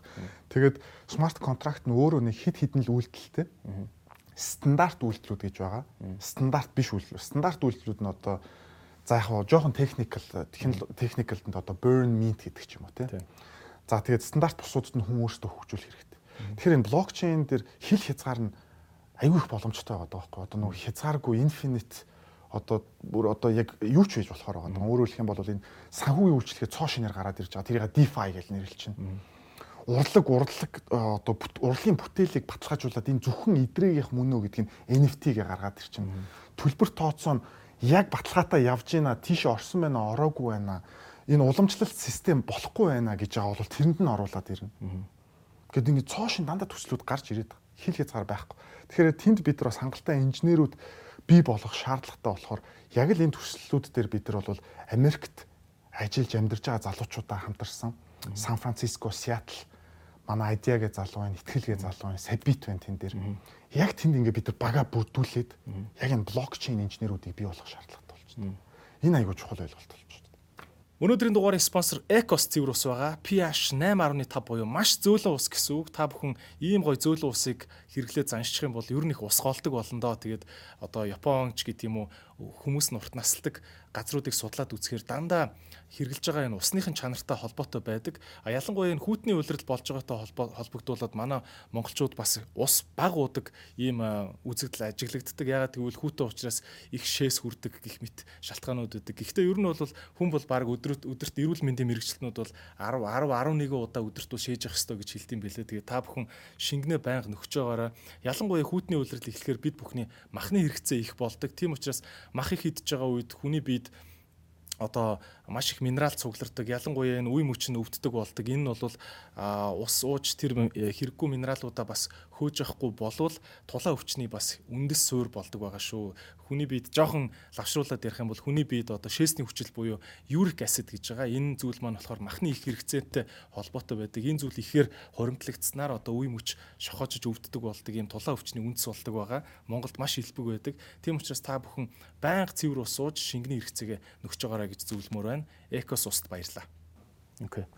За тэгвэл түрүүний Монгол Вали дээр одоо энд байгаа компаниуд заавал биер очиж цуглах шаардлага байна уу те? Эсвэл одоо энэ Монгол Валигийн тэр DAO байгууллагаас нь яг зөв. Тэр олон блокчейнээр холбогдсон байгаа тэр инвестор одоо оролцогч санал өгөгч гэх юм уу одоо те саналын эрэхтэй тэр олон дэмжигчдийг нийлүүлээд ингээд дундаа юм том мөнгөн сан үүснэ гэж бодоод шүү дээ те. Энд дээр хэр их хөрөнгө цуглах бол нэг хүн оролцохоор одоо юу гэх нэг намын гişүнчлийн хураамж энэ гэж байдаг шүү дээ. Тим юмтай байх юм уу? Одоо яг нэг нэг yes no гэдэг саналыг авахын тулд би яаж зөв зөв наач айгу зөв хандив өгөх юм. Чи хандив гэж ярих юм уу одоо юу гэх юм. Төрийн бус болох гээд байна уу? Эдийн засаг болох гээд байна уу гэдэг асуулт байна л да. Эсвэл би ингээд зөрөөд өгөөж авдаг уу? Аа яг тийм юм тийм хөрөнгө оруулалтын сан байх юм уу? Наач айгу зөв асуулт. Аа энэ ерөөсөө төрийн бус байгуулалт байж болохгүй. Энэ бол өөрөө бизнес байх хэрэгтэй. Эдийн засаг байх хэрэгтэй. Дижитал эдийн засаг байх хэрэгтэй. Эхний асуулт нь аюу товчхондоо хэлэх юм бол компаниуд заавал тийш очиод авах шаардлага байхгүй. Энэ бол дижитал орчин дээр бүрэн байх боломжтой. Орчин яагаад бид нар бий болох гээд байгаа вэ гэхээр энд бүгдээрээ тар тарцсан бутархаа байгаад байгаа юмыг хэдүүлээ нэг газар нэгдэх хэрэгтэй. Гаднаас зочид ирлээ, гаднаас компаниуд ирлээ тийшээ бий болгоод компани үүсгдэг орчныг бий болгомоор байна. Компани шууд онлайнаар үүсгэж хэлдэг. Тэр компани шууд блокчейн дээр ороод иргэлтэй. Өөрийнхөө стартапын бүртгэл нь блокчейн дээр нь пак гэж ороод иргэлтэй. Гаднаа гадна байгаа компаниуд хамгийн энгийн жишээ нь яагаад гадны Facebook орж ирэх үү гэж чи асуулт асуу шүү дээ. Яагаад ирэх хэвтэй? Хамгийн энгийн. Сая 18 гэдэг чинь сая 3 хоногийн өмнө Facebook шууд Европоос 10 мянган инженер аваад metaverse гэдэг хөгжүүлэлт рүү бид нар орлоо гэж байгаа байхгүй. Metaverse гэдэг нь яг юу юм бэ гэхээр нөгөө бодит болон хийсвэр ертөнцийг нийлүүлэх гээд байгаа дижитал орчин. Virtual reality. Нөгөө хэдүүлэнгийн үзчихсэн нэг кино Ready Player One гэдэг нэг зүгээл шууд нэг ертөнц рүү ордогтой адилхан тийшээд идэр бид нар Facebook-ийн дараагийн хөгжил metaverse юм байна. Одоо Facebook-ийн evolve гэж хэлдэг дараагийн шатлууга орох гэдэг шүү дээ. Зүгээр ингээд хитэн зураг гүйлгэчээд болиё гэж. Одоо болцоод байна. Хүмүүс одоо үйд чад байна. Манай дараагийн үе хүчтэй гарч ирэх гээд байна. Тэдэрт бид нар бэлнэ үү гэдэг асуултанд нөхдүүд хариулж байгаа байхгүй. Тэр нь бид нар метаверс юм байна. Европод байгаа 100000 инженер. Тэгвэл хоёулаа энд хангалттай инженер хийцэн байсан бол яах вэ? Монголд хангалттай инженер байгаа. Тэр блокчейнээ мэддэг, метаверс ойлгодог Facebook давайл гэнэ үстэй. Давайл л ороод ирж штэ. Тэд нар чинь боловсон хүч хэрэгтэй байхгүй. Тэгэхээр тэр орчноо хідүүлээ зүг хийж чадах юм бол орж ирэх нөхцөл нь байна уу? Байна. Хангалттай арчлаа. Google өнгөрсөн жил 100000 AI инженерийг Тайванд хайр хийгээд Тайванд ажилуулнаа гэд өөрсдийнхөө офисоо байгуулчихж байгаа. Яагаад тэнд ирээд байна гэхээр нөгөө боловсон хүчний л асуудал дахиад орчиж байгаа. За асуулт руу буцаад татаад орох юм бол дижитал болон бодит ертөнд нь бол хамттай байна бид нар энд яагаад заавал орчин бий болох гээд байгаа вэ гэхээр тэр гадны компаниудыг бид нар заавал авчрах хэрэгтэй. Дандаа бид нар явах биш. Тэдрийг бид нар авчирдаг цаг үе бас ирчээд байна. Тэр боломж нь байна. Эсвэл тэндээ байгаа хангалттай инженерүүд байх юм бол тэд нар ирээд байх шаардлагагүй хитүүлээ зайнаас ч ажиллаж болно. Сая нөгөө ковидын үеэр чинь нөгөө үед чинь бүх инженерүүдээ Европ руу явуулахын явуулаад нөгөө үед чинь гэрээсээ ажилласан чинь нөгөө компаниуд нь бүтээмж нь хിവэрэ зардал нь хэд дахин буурсан ч гэж байна Яг тэр нэг Америкийн татвар эдгээр өндөр байх нь шүү дээ. Нөгөө хүн л хоёулаа цалингийн за Украинд ажиллаж байгаа хүний цалингийн өглөө тэрний татвараа нөгөө хүн өөрөө хариуцчих жишээтэй. Тэгэхээр тэр дижитал эдийн нь бүрдсэн. Тэрийг бий болох юм байна. Яг гол асуулт нь энэ өөрөө бизнес эргэцтэй байх хэрэгтэй. Энд оролцож байгаа хүмүүс болгон тэр өөрөө хүндий маань Монгол вайли маань цахиурын хүндий маань өөрөө эдийн засгийн төв байх хэрэгтэй тэрний тулд ямар хэрэгтэй юм бэ гэдэг нь анхны төслүүд маань өөрөө шууд л өгөөж өгдөг төслүүд байх хэрэгтэй. Би яагаад сургууль гэж нэрлэдэг байгаа вэ гэхээр өнөөдөр сургуулийн хомс байдал бий болцсон ба. Хангалттай цэцэрлэг байхгүй нь хангалттай баа ангийн сургууль байхгүй нь хангалттай 10 жил байхгүй нь хангалттай коллеж 10 жилээ төгсөөд мөрөөдлийн дээд сургууль байхгүй. Тийм. Хоёлаа ингээл 10 жилээ төгсөөл би гитэмсрүүл орондоо. Хоёлынгийн үед бол баг нэг тийм юм байсан шүү одоо яг хоёлоо төгсөөд явмаар л байна та гэдэг байхгүй. Тийм шүү дээ. Хаашаач орох юм бэл тээ. нэг тийм асуудал байна. Энэ бол асуудал байхгүй да. Гэхдээ шийдэлтэй асуудал уу шийдэлтэй асуудал байхгүй. Тэгэхээр энийг тийм том асуудал биш байхгүй. Тийм болохоор бид нар тэр орчныг бүрдүүлмээр байна. 10 жилээ төгсөөд тэр мөрөөдлийн сургуульд нь мөрөөдлийн сургууль ямар байдیں۔ Хоёртанд яг юу мөрөөддөг? Хүн болгон дэлхийг л өөрчлөе гэж мөрөөддөг юм билээ шүү дээ. Би яг энэ дэлхийд хэрэгтэй л хүн баймаар байна л гэж мөрөөддөг юм бэл. Хүн хизээч би нэг тийм за нэг компанид ингээл байж идөө ч юм уу те нэг тийм байхгүй байхгүй тэр хүн дэлхийг би өөрчлөмөр байна. Яг энэ нэг юм системд оролцоотой байхыг л хүсдэг юм байл л. Тийм болохоор тэр сургууль яг юу заах гэдэг нь аюу тодорхой хэрэгтэй. Аюу тодорхой хэрэгтэй. Хоёлоо мэднэ MIT-гийн компьютер сайенс буюу компьютерийн шинжлэх ухаан гэдэг мэрэгжил байна. Тэнд сурч байгаа хүүхэд яг веб хөгжүүлэлт, мобайл хөгжүүлэлт гэж юм хийдэг болов байхгүй шүү дээ. Байхгүй шүү дээ. Тэнд бол шинжлэх ухаан баггүй. Computer science гэдэг шүү дээ. Алгоритмын суур ойлголтууд шинжлэх ухааны мэрэгжил баггүй. Computer science гэдэг чинь өөрөө тэр үнийг эрдэмтэн болох гэдэг шүү. Судлаач болох гэдэг баггүй. А бид нар ажил олгогч юу хүсээд байдаг вэ гэхээр шууд ажил дээр гараад шууд ажил хийдэг хүмүүсийг хүсэж байгаа байхгүй. Шууд ажил хийдэг, шууд лэб бичдэг, шууд мобайл хийдэг, шууд л нэг юм платформ хөгжүүлдэг хүмүүсээд байгаа байхгүй. Тэгэхдээ computer science гэдэг мэрэгжил чинь тийм хийдэг мэрэгжил биш байхгүй. Суурийг хангалттай хийгээд байна. Тэгэхдээ MIT ухаантай байхгүй. Чи суурийг тултлаа ойлгоцсон хүн хэл гэдэг ойлголт бол асуудалгүй. Чи зүгээр хэдийн юм хараад тэр чинь хэл гэдэг дүүрэн байхгүй.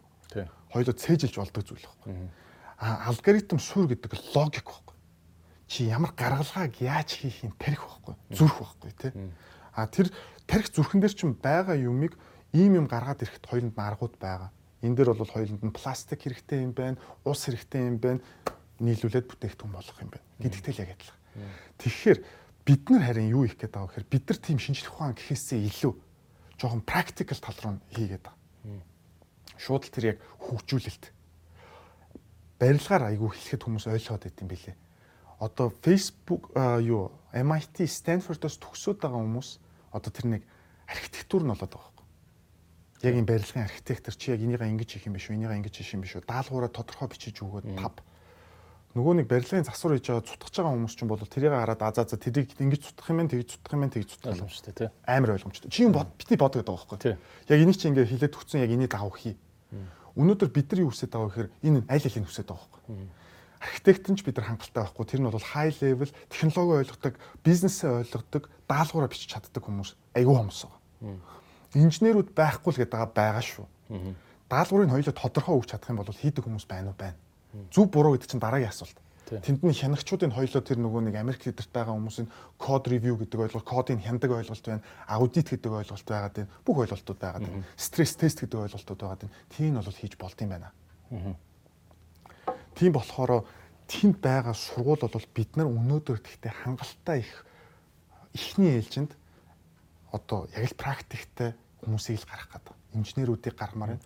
Танах ч бол high school гэж явж байгаа тий одоохондоо. Одоо бүрэн дунд сургууль гэж явж байгаа. Аа. Нэг цэцэрлэгээр ингээс ирээд цэцэрлэгээс эхлээд. Бүр цэцэрлэгээс эхлээд. Цэцэрлэгээс эхлээд төгсөн төгсөл гэсэн үг. Оо зү. Одоо тэгэхээр төгссөн хүмүүстээ бид нар яах вэ гэдэг нь дараагийн алхам байгаа. Valley-гийн эхний цэг нь гэсэн үг. Төгсөглөө Valley руу явууллаа. Монголын Stanford-ыг байгуулах гэж. Яг зөв.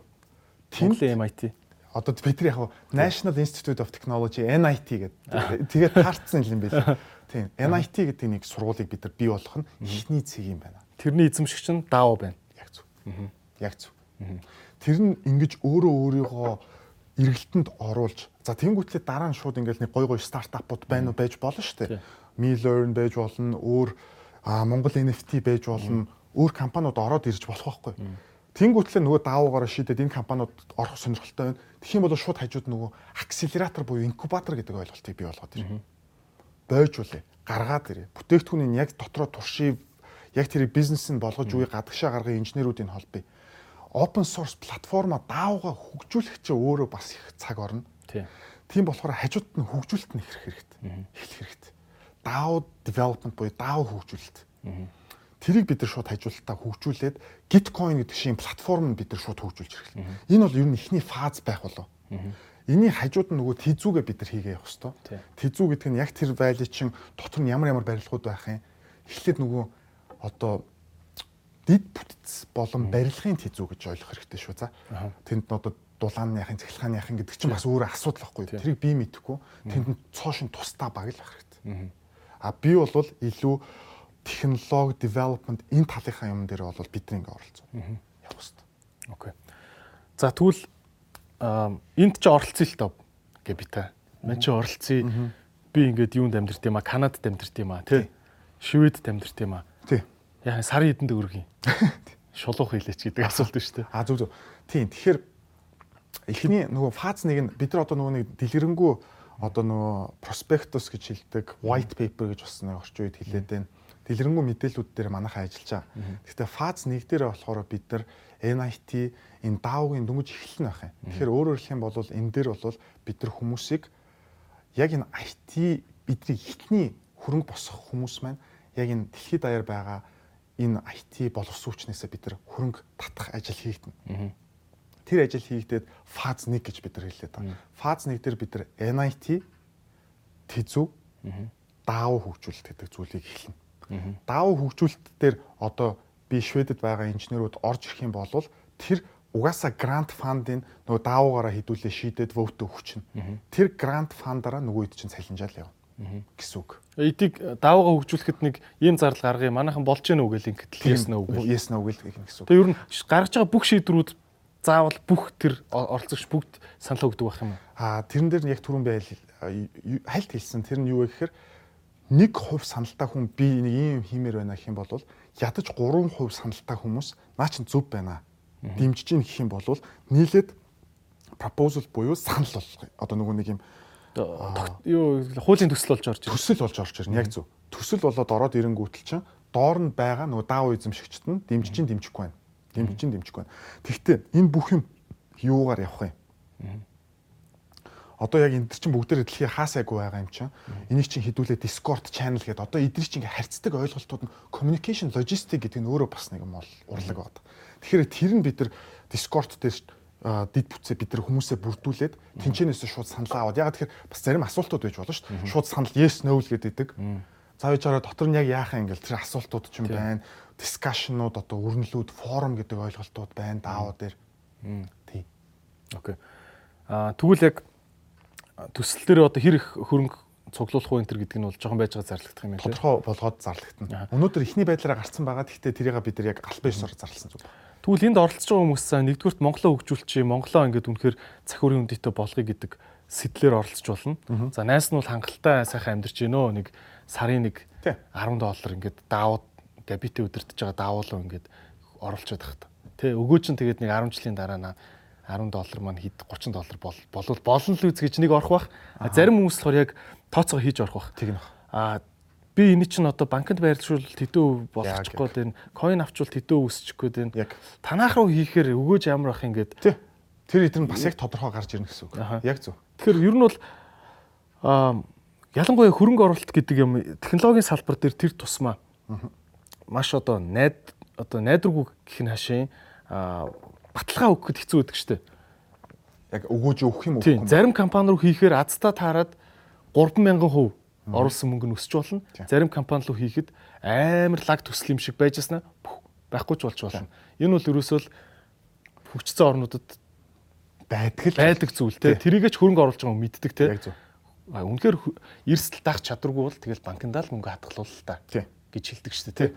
Тэгэхээр танах ямар хуу тийм юу ах юм ямар нэгэн баталгаа өгөх юм уу? Одоо хамгийн багтаа 5% ямар ч гэсэн өсгөөд байж байна. Тийм. Тийм байх юм уу? бас тэр тооцоолууд нь гарч байгаа. А мэдээж энэ бол өгөөжтэй байх шаардлагатай. Өгөөжөл алдаад эхлэх юм бол нөгөө л donation буюу хандив болол хандив чи өөрөө дараа нь утгагүй болол явцдаг. Бид нар бол ерөөсөн энэ дээр тийм хандив гэдэг модельээр явахгүй. Энэ дээр бол цэвэр хөрөнгө оруулалт гэдэг модельээр л явна. Даавал хөрөнгө оруулалт. Даавгийнхаа онцлог нь юу юм бэ гэхээр саналын ирэх байх нь А тэрэн дээр бид нар мэдээж проспектус дээр орж байгаа төслөөсөө хамаарат жил болгон тэр өгөөжүүд маань өөрчлөгдөн гэсэн үг. Тэгэхгүй бол хоёлоо оо энэ Монгол вайли бол жил болгон тэгнэ гэвэл яг саяны шиг асуудал гарч ирдэг. Unicorn дэлхийн тэрбум долларын компани гараад ирэх юм бол өгөөж нь пүн гэж пуужна гэсэн үг. А яг л traditional сургуулийн хөгжлөөрөө явдаг ч үт юм уу стартапуудын өгөөжөөрөө явах юм бол тэр нь бол тодорхой яг л нэг юм стандарт маржинараа л явна гэсэн үг 10-аас 20% байдаг ч юм уу тий. Тэгэхээр яг нэг тийм модулууд нь хайбрид болоод байна. Энэ даавгийн онцлог нь тэр байгаа шүү. Хайбрид. А энэ даавуу эзэмшигчд нь цаана яг юу байгаад байна гэж хүмүүс асуудаг шүү дээ тий. Яг л энэ цахиурын хүндий гэдэг байгаа тэр value-гийн эзэмшил гэсэн үг нэгт. Тэндээ хэрэглэгдэж байгаа open source-ын платформын хөгжүүлэлт дотор нь орж байгаа төслүүд энэ бүгдээрээ л орно гэсэн үг. Одоо тэгээд энэ удирдлага байгаа шүү дээ. Одоо тэр ямар стрим гэлээ? Work stream. Work stream гэж нэрлэж байгаа. Эсвэл менежментийн баг гэж нэрлэж байгаа тийм.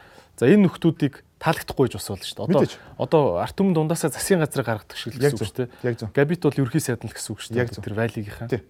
Тэгэл бас л яг нөгөө voting power-аараа л. Тийм. Тэгэнгүүт нэг хувийн саналын эрхтэй нөхөр санал оруулаад тэр нь 3 2.5-аас 3% та хүн дэмжих юм бол одоо нөгөө Америк дээр I second that гэдэг шүү дээ. Нэг хүн санал оруулан гутал чинь нэг хүн дэмжихгүй болвол тэр санал ерөөсө тооцдгоо. Одоо нөгөө Америкийн туз дээр тэгдэг байхгүй. Гэтэ туз гэдэг ойлголт байхгүй шүү энэ. А тэгэд I second that гэдэг шиг л гэсэн үг. Өөрөөр хэлэх юм бол дахиад нэг 2.5% та хүн наа чин бас гоё санал байна. Би дэмжиж байна гэх юм бол төсөл болоод орж ирээд.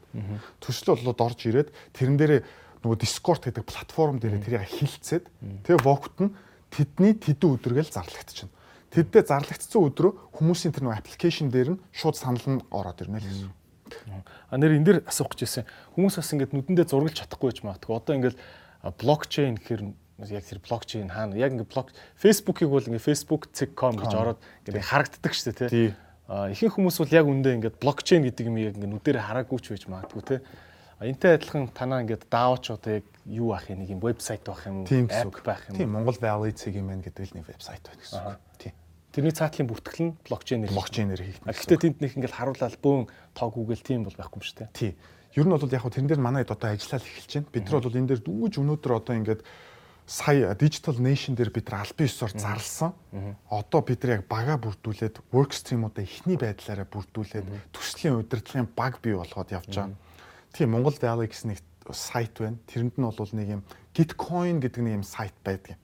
Тэрэн дээр болохоор ерөөсөө open web, open source хөгжүүлнэ гэсэн ойлголт. Саяных тэр бас нэг юмыг манайхаа аягуулсан ойлгох хэрэгтэй. Технологи айгүй гоё, сонирхолтой, гоё байхгүй те. Ингээд тэгтээ блокчейн дээр гарч байгаа койнуудын ойлголт байгаа тийм. Хүмүүс ингээд өсөөл яхаар аа энэ зөв технологи блокчейн л гэж сонсохоор 5 дахин өсдөг юм байна, 6 дахин өсдөг юм байна гэдэг нэг юм ойлголт байж магадгүй. Тийм юм байхгүй. Тэгж бол ойлгож юусоо болохгүй. Яагаад вэ гэхээр төсөл болго өөрийн онцлогтой блокчейн дээр бүртгэж байгаа цаад суурь нь л болохоос биш твитээ бас хольж утгаж болохгүй байхгүй те. А түрүүний бас хэлсэн юм шин инновац болгон аим шиг амар байхгүй. Хоёлоо маргааш юу болохыг мэдэхгүй шүү дээ. Нөгөөдөр юу болохыг хинч мэдэхгүй байхгүй. Тэрнтэй яг адилхан. Инновац хөгжөөд яг юу болохыг хүмүүс мэдэхгүй. Гэхдээ тэр хөгжил эрсдэл одоо тэр чинь ингээд ямар ч шинэ хөгжил эрсдэл дагуулдаг. Дагуулдаг 200 Тийм болохоор тэгтээ тэр инновацаас тэр шин зүйлээс гарч байгаа өгөөж нь эрсдлээсээ хэд дахин их л байх хэрэгтэй. Тэгэх юм бол энэ бол айгүй тийм олон хүмүүст хүртээлтэй зөв болоо явдал юм билээ л дээ. Хэдүүлээ нэг айгүй энгийн жишээ л тэр машин баггүй хуучин ингээл морин тэрэгтэй ингээл явж байхад болж л байсан шүү дээ. Гэхдээ хоёулаа Нью-Йоркоос Сан Франциско хизээч очиж чадахгүй байх те. Одоо хэд 3 4 сар нэг ерөнхийлөгч нь бичсэн байт юм байлаа шүү дээ. Би ийшнийг туулахын тулд 6 сарыг зарцууллаач илүү амар амар юм. Машинтаа болон гуталчаа магадгүй тэрний 2 дахин багассан баг те. Онгоцтой болоод вообще нэг хитэн цаг л болж байгаа те. Ингээд эн чинь инновацийн үе шаттай яваад шүү дээ. Машинтаа тэгтээ болоход эрсдэл нь юу ах вэ? Аваар усал гарна. Асуудлууд гарна шүү дээ. Тэгтээ тэр шийдэж байгаа нөгөө шийдэл нь ямар амар том асуудлыг шийдэж байна те. Хурдтай аваач чинь бас нөгөө талаас тодорхой хэмжээний аюулгүй байдлыг нэмсэн байна. Гих мэтчлэн баггүй те. Тэгэхээр энэ valley дээр бий болох инновацийг өнөөдөр бид нар мэдэхгүй байх боломжтой.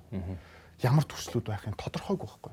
Тэгтээ өнөөдөр хүн болгонд тэр Америкт ч байгаа Японд ч байгаа Монголд ч байгаа залуучуудад crazy idea-нууд байгаа юу? Байгаа нэгдэж чадахгүй би хинтээ нийлэх ёстой юм бэ? Яах ёстой юм бэ? Ганц нэг хүнд ч биш компаниуд ч байгаа. Яаж хийх юм бол аргаа олохгүй байгаад ч болно. Тэгэхээр тэр нэг DAO гэдэг нэг open platform одоо чи нэг вебсайт байх нь шүү дээ. Тийшээ чи ороод тэр санаагаа хөгжүүлээд энэ ингэх ёстой юм байна. Гол нь энэний нэг ойлголт нь бүгд эзэмшдэг team платформ л байх ёстой л гэдэг юм бидний хэлээд байгаа. Бүгдээрээ эзэмшдэг. А мэдээч тэр нөгөө нэг эзэмшиж байгаа даунууд нь харьцангуй ойлголт. Чамд 2 байж болно, надаа 2000, 100000 байж болно, тэнд нэг хүнд 100 мянга байж болно, тэр нэг хүнд сая байж болно. Тэр бол хүн хэдий зэргийн ихтгэлтэй байж ин тэрийг хүрэл оролцох шаардлагатай. А гэхдээ хідүүлээ бүр нөгөө нэг анхны асуулт руу дахиад орчих за хэдрээ бид нар ингээд яриа л байгаа байхгүй тий. Яриа л байгаа байхгүй. Нэгдмээр байгаа байхгүй юу болно. Яа ингээ уулзахад бол ямар ч хүнтэй би уулзсан нэгдэлтэй хамтралтай болгоё л тоо л гэдэг. Тэр нэг арга замаа олохгүй байгаа байхгүй. Америкт ч очсон хүмүүс ялгаа байхгүй. Гэтэ хүмүүс ингээ Silicon Valley хэрэгтэй юм байна гэл ингээ яриад идэг хийхгүй байгаа даа. Энэ жил бид нар шууд хийгээд зориглол хийгээл эхлэе. Хамтдаа хий.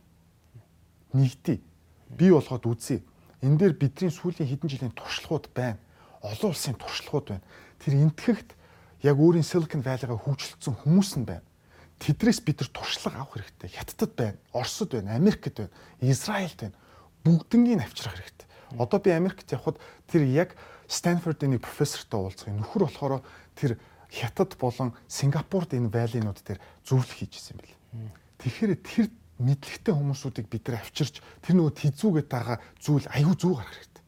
Тэр зүү гараад ирэх юм бол энэ өөрөө эдийн засгийн дижитал эдийн засгийн орчин л болох хэрэгтэй гэж харж байгаа.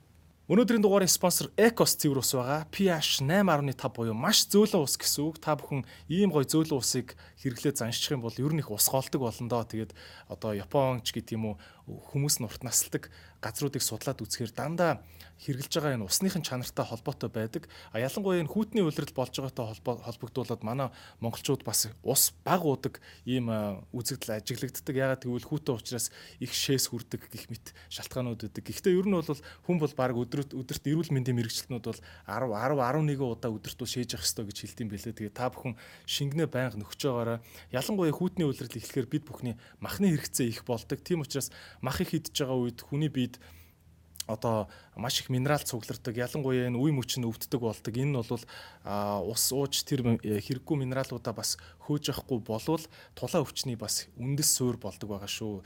Хүний биед жоохон лавшруулад ярих юм бол хүний биед одоо шээсний хүчил буюу юрик acid гэж байгаа. Энэ зүйл маань болохоор махны их хэрэгцээтэй холбоотой байдаг. Энэ зүйл ихээр хоримтлагдсанаар одоо үе мөч шохоожж өвддөг болдог. Ийм тулаа өвчний үндэс болдог байгаа. Монголд маш илбэг байдаг. Тийм учраас та бүхэн байнга цэвэр ус ууж шингэний хэрэгцээгээ нөхж байгаарай гэж зөвлөмөр байна. Экос уст баярлаа.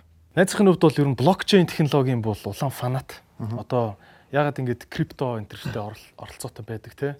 Энэ энэ бол зүгээр нэг юм coin moin-дооч биш. Энийний цаана байгаа тэр блокчейн технологи гэдэг бол дэлхийг өөрчилж байгаа. Тэгээ яг хамгийн түрүүндийн санхүүгийн талбар дээр те крипто гэж одоо нүүр царайтай болчиход байгаа шүү дээ. Тэрнээс ш одоо чинийх бол DAO гэдэг явж байна те. DAO organization буюу одоо хамгийн шудраг засаглалтай олон нийтийн байгууллага. Тэгсэн мөртлөө ашигын. Цаашаа өргөжин дэвжих боломжтой. За ийм модель ярьж байна. Тийм учраас бас яг нөгөө core одоо үндсэн технологи дээр нь маш их ихтгэлцэл байгаа учраас одоо габитийн санаачилж байгаа энэ төсөл надад бол маш ихтгэл төрүүлж сонсогч байна л да. Гэтэ одоо бас асуудал татлаас нь би ярмаар байна л да. Жишээ нь ийм бидгтээ Warren Buffett дэлхийн номер 1 хөрөнгө оруулагч. Амьдралаараа бол баталсан тий. Зөв шийдвэр гаргадаг гэдгээ бол баталсан шүү дээ. За энэ хүн хэлсэн үг байдаг. Зах зээл хаашаа явж байна? Хүмүүс юу л шуурж байна? Яг эсрэг юу? Масын одоо масын гэхдээ мас гэж ярил муухайлах. Гэхдээ нэг олон нийтийн тий. Олон нийтийн дандаа зөв байдаг гэсэн юм байхгүй. Аа. Тэ. Гэтэл танаа байгууллага болохоор бүх шийдвэрээ олон нийт бөөнөрө гаргана гэдэг шүү дээ тий. А жишээ нь манай Монголд бол маш ил тод харагддаг шүү дээ яг уу тэгэл амьдралын нөхцөл байдал мэдээж өнөө өнөө маргаашаа бодож байгаа маш хэцүү байгаа. Аа жишээ нь мөнгө тарах бол тийм. Сайн зүйл бол биш. Эдийн засаг талаасаа ч гэсэн хөөсрөл үүсгдэг хүмүүсийг бэлэнчлэх сэтгэлгээтэй болгодог. А мэдээж бас хэрэгтэй нэг тэ эмзэг бүлгийн бүлгийн айл өрх бол мөнгө хэрэгтэй нь ойлгомжтой. Гэхдээ ингэж хавтгаарсан мөнгө тараадаг тэтгэмж олгодог тэ. Энэ зүйл буруу гэдгийг мэдсээрээ ч тэгэл сонгогч олон маань хэм хэм мөнгө тарааж байгаа хин тэтгэмж өгж байгааг нь сонгоод идэг те. Тэгэл улс маань улмал өртөө болол өрөндөө унаал ядж яхад өөрөө арай гэж төлөх гээл татвар хороосныхын дараа долларын ханшин өсчихсөн. Тэгэл тэгээ нөгөө татвараар хураасан мөнгө нь долларын өрийг барагдуулж чадахгүй ингээл улмал өрөндөө живсэн ийм улс болж хувирж штэ те. Тэгэхээр заримдаа яг яалтчгүй л ингээл хараад амьдрал дээр харахаар олон нийтийн шийдвэр заримдаа буруу байгаад байна. Тэ? Тэгэхээр танаа даавч нь тийм зүг рүү явчих үү дээ. Яаж зөв шийдвэр гаргадаг байгууллага байх юм. Зөв зөв. Тийм. Аа альва зүйл э, шин зүйл болгон эрсдэлтэй гэдээ хоёлоо түрүү ярьсан тий. Гой асуулт шүү. Ер нь шудраг асуулт гэх юм уу? Аа хоёлоо одоо тэх юм бол Стив Джобсын жишээн дээр авъя. Манай Стив Джобс аа манах манах манай Стив Джобс яасан бэ гэхээр одоо ингээд аваад үзэлтэй хоёлоо. Эхлээд компани байгуулад Apple гэдэг компани байгуулад манлайлагч нь байж байгаад CEO нь байж байгаад халагдаад дараа нь буцаад орж ирсэн шүү дээ. Яагаад Apple буцаад сонгосон бэ? Яагаад манай хүний амьдралынхаа сүүлийн өдрийг хүртэл Apple дээр хамгийн чухал хүн байсан бэ гэдэг ойлголттой байгаа байхгүй тий. Тэгэхээр энэ асуултан дээр бид нар өөрсдөө айгу зүв байх хэрэгтэй. Өөрөөр хэлэх юм бол Стив Джобс буцаж орж ирэхдээ дандаа лидершип буюу манлайллыг л үзүүлсэн. Өөрөөр хэлэх юм бол туз борд гэж хэлж байгаа. Тэгээд тузанч вэ, бусад хөрөнгө оруулагч нар нь ч вэ, Стив Джобсыг хийж байгаа зүйл болгоно наа чин зүв байна, наа чин зүв байна, наа чин зүв байна. Өөрөөр хэлэх юм бол манай хүн өөрөө манлайлалаа урдаа аваад тэр зүйлүүдийн шийдвэрийг манай хүн гаргаж байгаа гэсэн үг биш шүү дээ. Яг тэр туз дээр ч юм уу борд дээр шийдвэр нь гарч байгаа байхгүй. Манай хүн ингэж хийх нь зөв юм байна гэдгээ батлаад яваадсан байхгүй. Батлаад хүмүүст харуулад бодит өгөөжийг өгөөд буцаж орж ирэхдээ манай хүн чи iPod гэдэг нэг зүйл гаргаж ирж байгаа. Дараа нь iTunes гэдэг нэг ойлголт гарч ирж байгаа. Тэгээ нэг худалгүй iPhone гэдэг нэг ойлголт гарч ирэл дараа гэл ингээл ингээл араасаа явцсан шүү дээ. Нөгөө компьютерууд нь араасаа шинжлэхтэй. Тэгэхээр бид нар тэрэн дээр айгүй чухал ойлголттой байх хэрэгтэй. DAO DAO гэд хідүүлээ нэрлэж байгаа. Энийг бид нар бас яг Монголын өнөөдрийн нөхцөл дээр тааруулж хийх хэрэгтэй. Хайбрид байдлаар хийх хэрэгтэй. Өөрөөр хэлэх юм бол би түрүүн фаз 1 дараа дараагийн фазууд гэдэг фаз 2, фаз 3 гэж хэлээд байгаа. Эхлээд DAO-гийн тархалт нь бол нэг 10% тал байх бах. Тодорхой хэмжээнд. Тэр чинь ингээд нөгөө нэг value маань үүсээд бизнес модель маань үүсэх хэрэгтэй. Фаз 2 дээр дахиад нэг хэсэг даавн тарагдах бах. Фаз 3 болж ирэхэд ихэнх бараг л те 50% даавн тарагдах бах. Гих мэтчлээ. Тэгэхээр эн чинь ингээд нэг фаз фазтаа нэгт явах зайшгүй шаардлагатай нөгөө модель нь зөв болтлоо гэсэн үг. Нэгт тэр чинь зөв. Ягаад тэгэхээр лидершипүүд нь үнэхээр энд итгэж байгаа. Үнэхээр энийг яг юм болгох. Өөрөө тэнд очиод технологиорсоо ч тэр технологи дээрээ ч тэр физикли буюу өөрөө тэндээ очиод ч тэр бүх сэтгэл зүрхээ гаргах хэрэгтэй. Тэгжиж үр дүн гарна. Зүв байх хэрэгтэй гэдэг байгаа нь тэр хөрөнгө оруулалт хийж байгаа бүтээгдэхүүнүүд нь дандаа зөв шийдвэртэй байх хэрэгтэй. Яг л түүний Стив Джобс шиг хэлдэг шиг Марк Зукерберг яагаад одоо хүртэл CEO нагаад байгаа? Манай хүн ихэнх хувьцаагаа эзэмшээд байгаа биш шүү дээ. Билл Гейтс бүр хамгийн сүүлийн өдөр хүртэл бас байсан шүү дээ. Өөрөө за боли боли. Тэнгүүтлээ Билл Гейтс байсан хувь нь нэг хувьччих шиг. Тэ? Компанийнх нь. Өөрөөр хэлэх юм бол хөрөнгө оруулагч хүмүүс зөв байгаа, буруу байгаа бас ялахтаа бол айгүй тийм нарийн ханддаг юм байлээ л дээ. Тийм болохоор үнэхээр зөв шийдвэрүүд гараад компани хөгжөөд байгаа бол нөгөө доошоо татаад унгаах гэдэг байгаа нь хөрөнгө оруулагч нарт өөрсдөд нь ямар ч ашиггүй. Яагаад тэгэхээр тэд нар бол өгөөж харж байгаа, тэд нар бол бүтээл харж байгаа. Тэд нар бол яг олон улс руу гарах тэр мэдрэмжийг хүсэж байгаа. Өөрөө энэ стартап гэдэг юмыг айгүй олон жил хүлээсэн корпоратд ажилладаг, том байгууллагт ажилладаг хүмүүс би энэний нэг хэсэг нь болмоор байгаа хүмүүс байгаа. Тийм болохоор тэнд өөрсдөө хэлж байгаа манлайлж байгаа лидершип авч явж байгаа баг маань өөрөө маш зөв сайн байх хэрэгтэй. Аа тэгвэл тэр нь бол бид нар өөрсдөө үйлдэлээр харуулах хэрэгтэй. Өмнөх төслүүд нь үнэхээр сайн болсон юм уу, болоогүй юм уу? Энд чинь л өөрөө бас тэрийг баталгаал батлал явна л да. Тэгэхээр нөгөө олон нийтийн олон нийтийн саналыг саналаар гарч ирсэн одоо энэ менежментийн баг сайн муу байгаа нь угаасаа ажлын үр дүнгээр харагдана. Муу байвал сольчин. Тэгээд сайн лидер менежментийн баг авч явж Apple компаниг авч явсан шиг юм. Хувьцаа эзэмшигчд нь даавыг оролцогч нар тийм. Яг зөв. Jack Dorsey хоёулангийн мэд дуртай кейс шүү дээ. Twitter анх явсан дараа нь Square гэдэг систем нь одоо бүр payment төлбөр тооцооны бүр магнат болоод одоо бүр өөрөө блокчейн чи яг ирээдүйн юм байна гэдээ одоо бүр блокчейн лөө бүр амар хүчтэй орлоо шүү дээ. Тэгэхээр чинь яг нөгөө манлайлалын зөв тийм болохоор ч манай хүнийг CEO яг тэр удирдлагаас нь ямар ч хөрөнгө оруулагч ямар ч туз нумгаахгүй байгаа. Марк бүгд л айгүй олон жишээнүүд байгаа шүү. Google-ийн ч гэсэн манай аваргууд байна. Тийм. Окей. Тэгэхээр сайн манлайлагч үргэлж тэнд байж ах болтгоо л гээл залбирх юм биш үү? Одоо тэгэхэд тэрийг бид нар нөхцлөө өөрсдөө бүрдүүлэх хэрэгтэй. Одоо анхных нь бол манай баг байх нь байна. Тэгэхээр бид нар өөрсдөө хамгийн чухал ажил айгу зүйлэх хэрэгтэй. Тэгээд ил тод байдал нь блокчейн дээр байгаа болохоор аа нэг юм одоо нэг өшгний цаагуур гэсэн юм байхгүй байгаа нь хамгийн гоё болчиход байгаа юм тэр. Габит тэн дээр олон нийтээс цугларсан фандыг зөвхөн одоо өгдөг чи өөрийнхөө одоо өөрийнхөө ашиг сонирхолтой байгаа газар руу оруулж чадахгүй л гэсэн үг. Тий. Окей. Тэгвэл бас нэг ийм ойлголт байгаа шүү дээ. Чи тгүүлхийн гэдэг асуудал шүү дээ. За Gabitag бол мэдээж Infinite Solution гэдэг компаниар нь мэднэ. Гаргасан бүтээгдэхүүн нь одоо юу ч гэдэг Монгол чат те. Өөр зөндөө олон системүүд байгаа те. Sure. Тий. Complex. Complex байна. Тий. Одоо ингээд сүүлийн 2015 оноос эхлээд бид нар түрүү яг хэлсэн бүтээгдэхүүн хөгжүүлдэг за гүйцэтгэгч компаниас бүтээгдэхүүн хөгжил буюу хөрөнгө оруулалтын компани руу болж бидний стратеги өөрчлөгдсөн. Тэр нь яг юу гэсэн үг вэ гэхээр яг л түрүүний хэлдгээр окей энэ төлбөр тооцоо илүү яаж хэлбэр болох хэвээр юм бэ гэдээ бид нар Монгол чат гэдээ бид нар бүтээгдэхүүн гаргасан. Окей а тухайн үед чинь бас яг л финтек гэдэг том давлгаа явсан л да. Lendman гэдэг бүтээгдэхүүнүүд гарсан. Хажуугаар нь бид нар сон гэдэг бас нэг өөрсдийн бүтээглүүд гараад хөрөнгө оруулалтаа хийгээ явсан. За тэгээ ингээд яваад нөгөө боловсон хүчин гэдэг дээр бид нар талаант боловсон хүчнээ бэлдэх ёстой юм байна гэд Nest Academy, Nest Education гэдэг сургууль хоёр сургууль руу бид нар хөрөнгө орууллаа.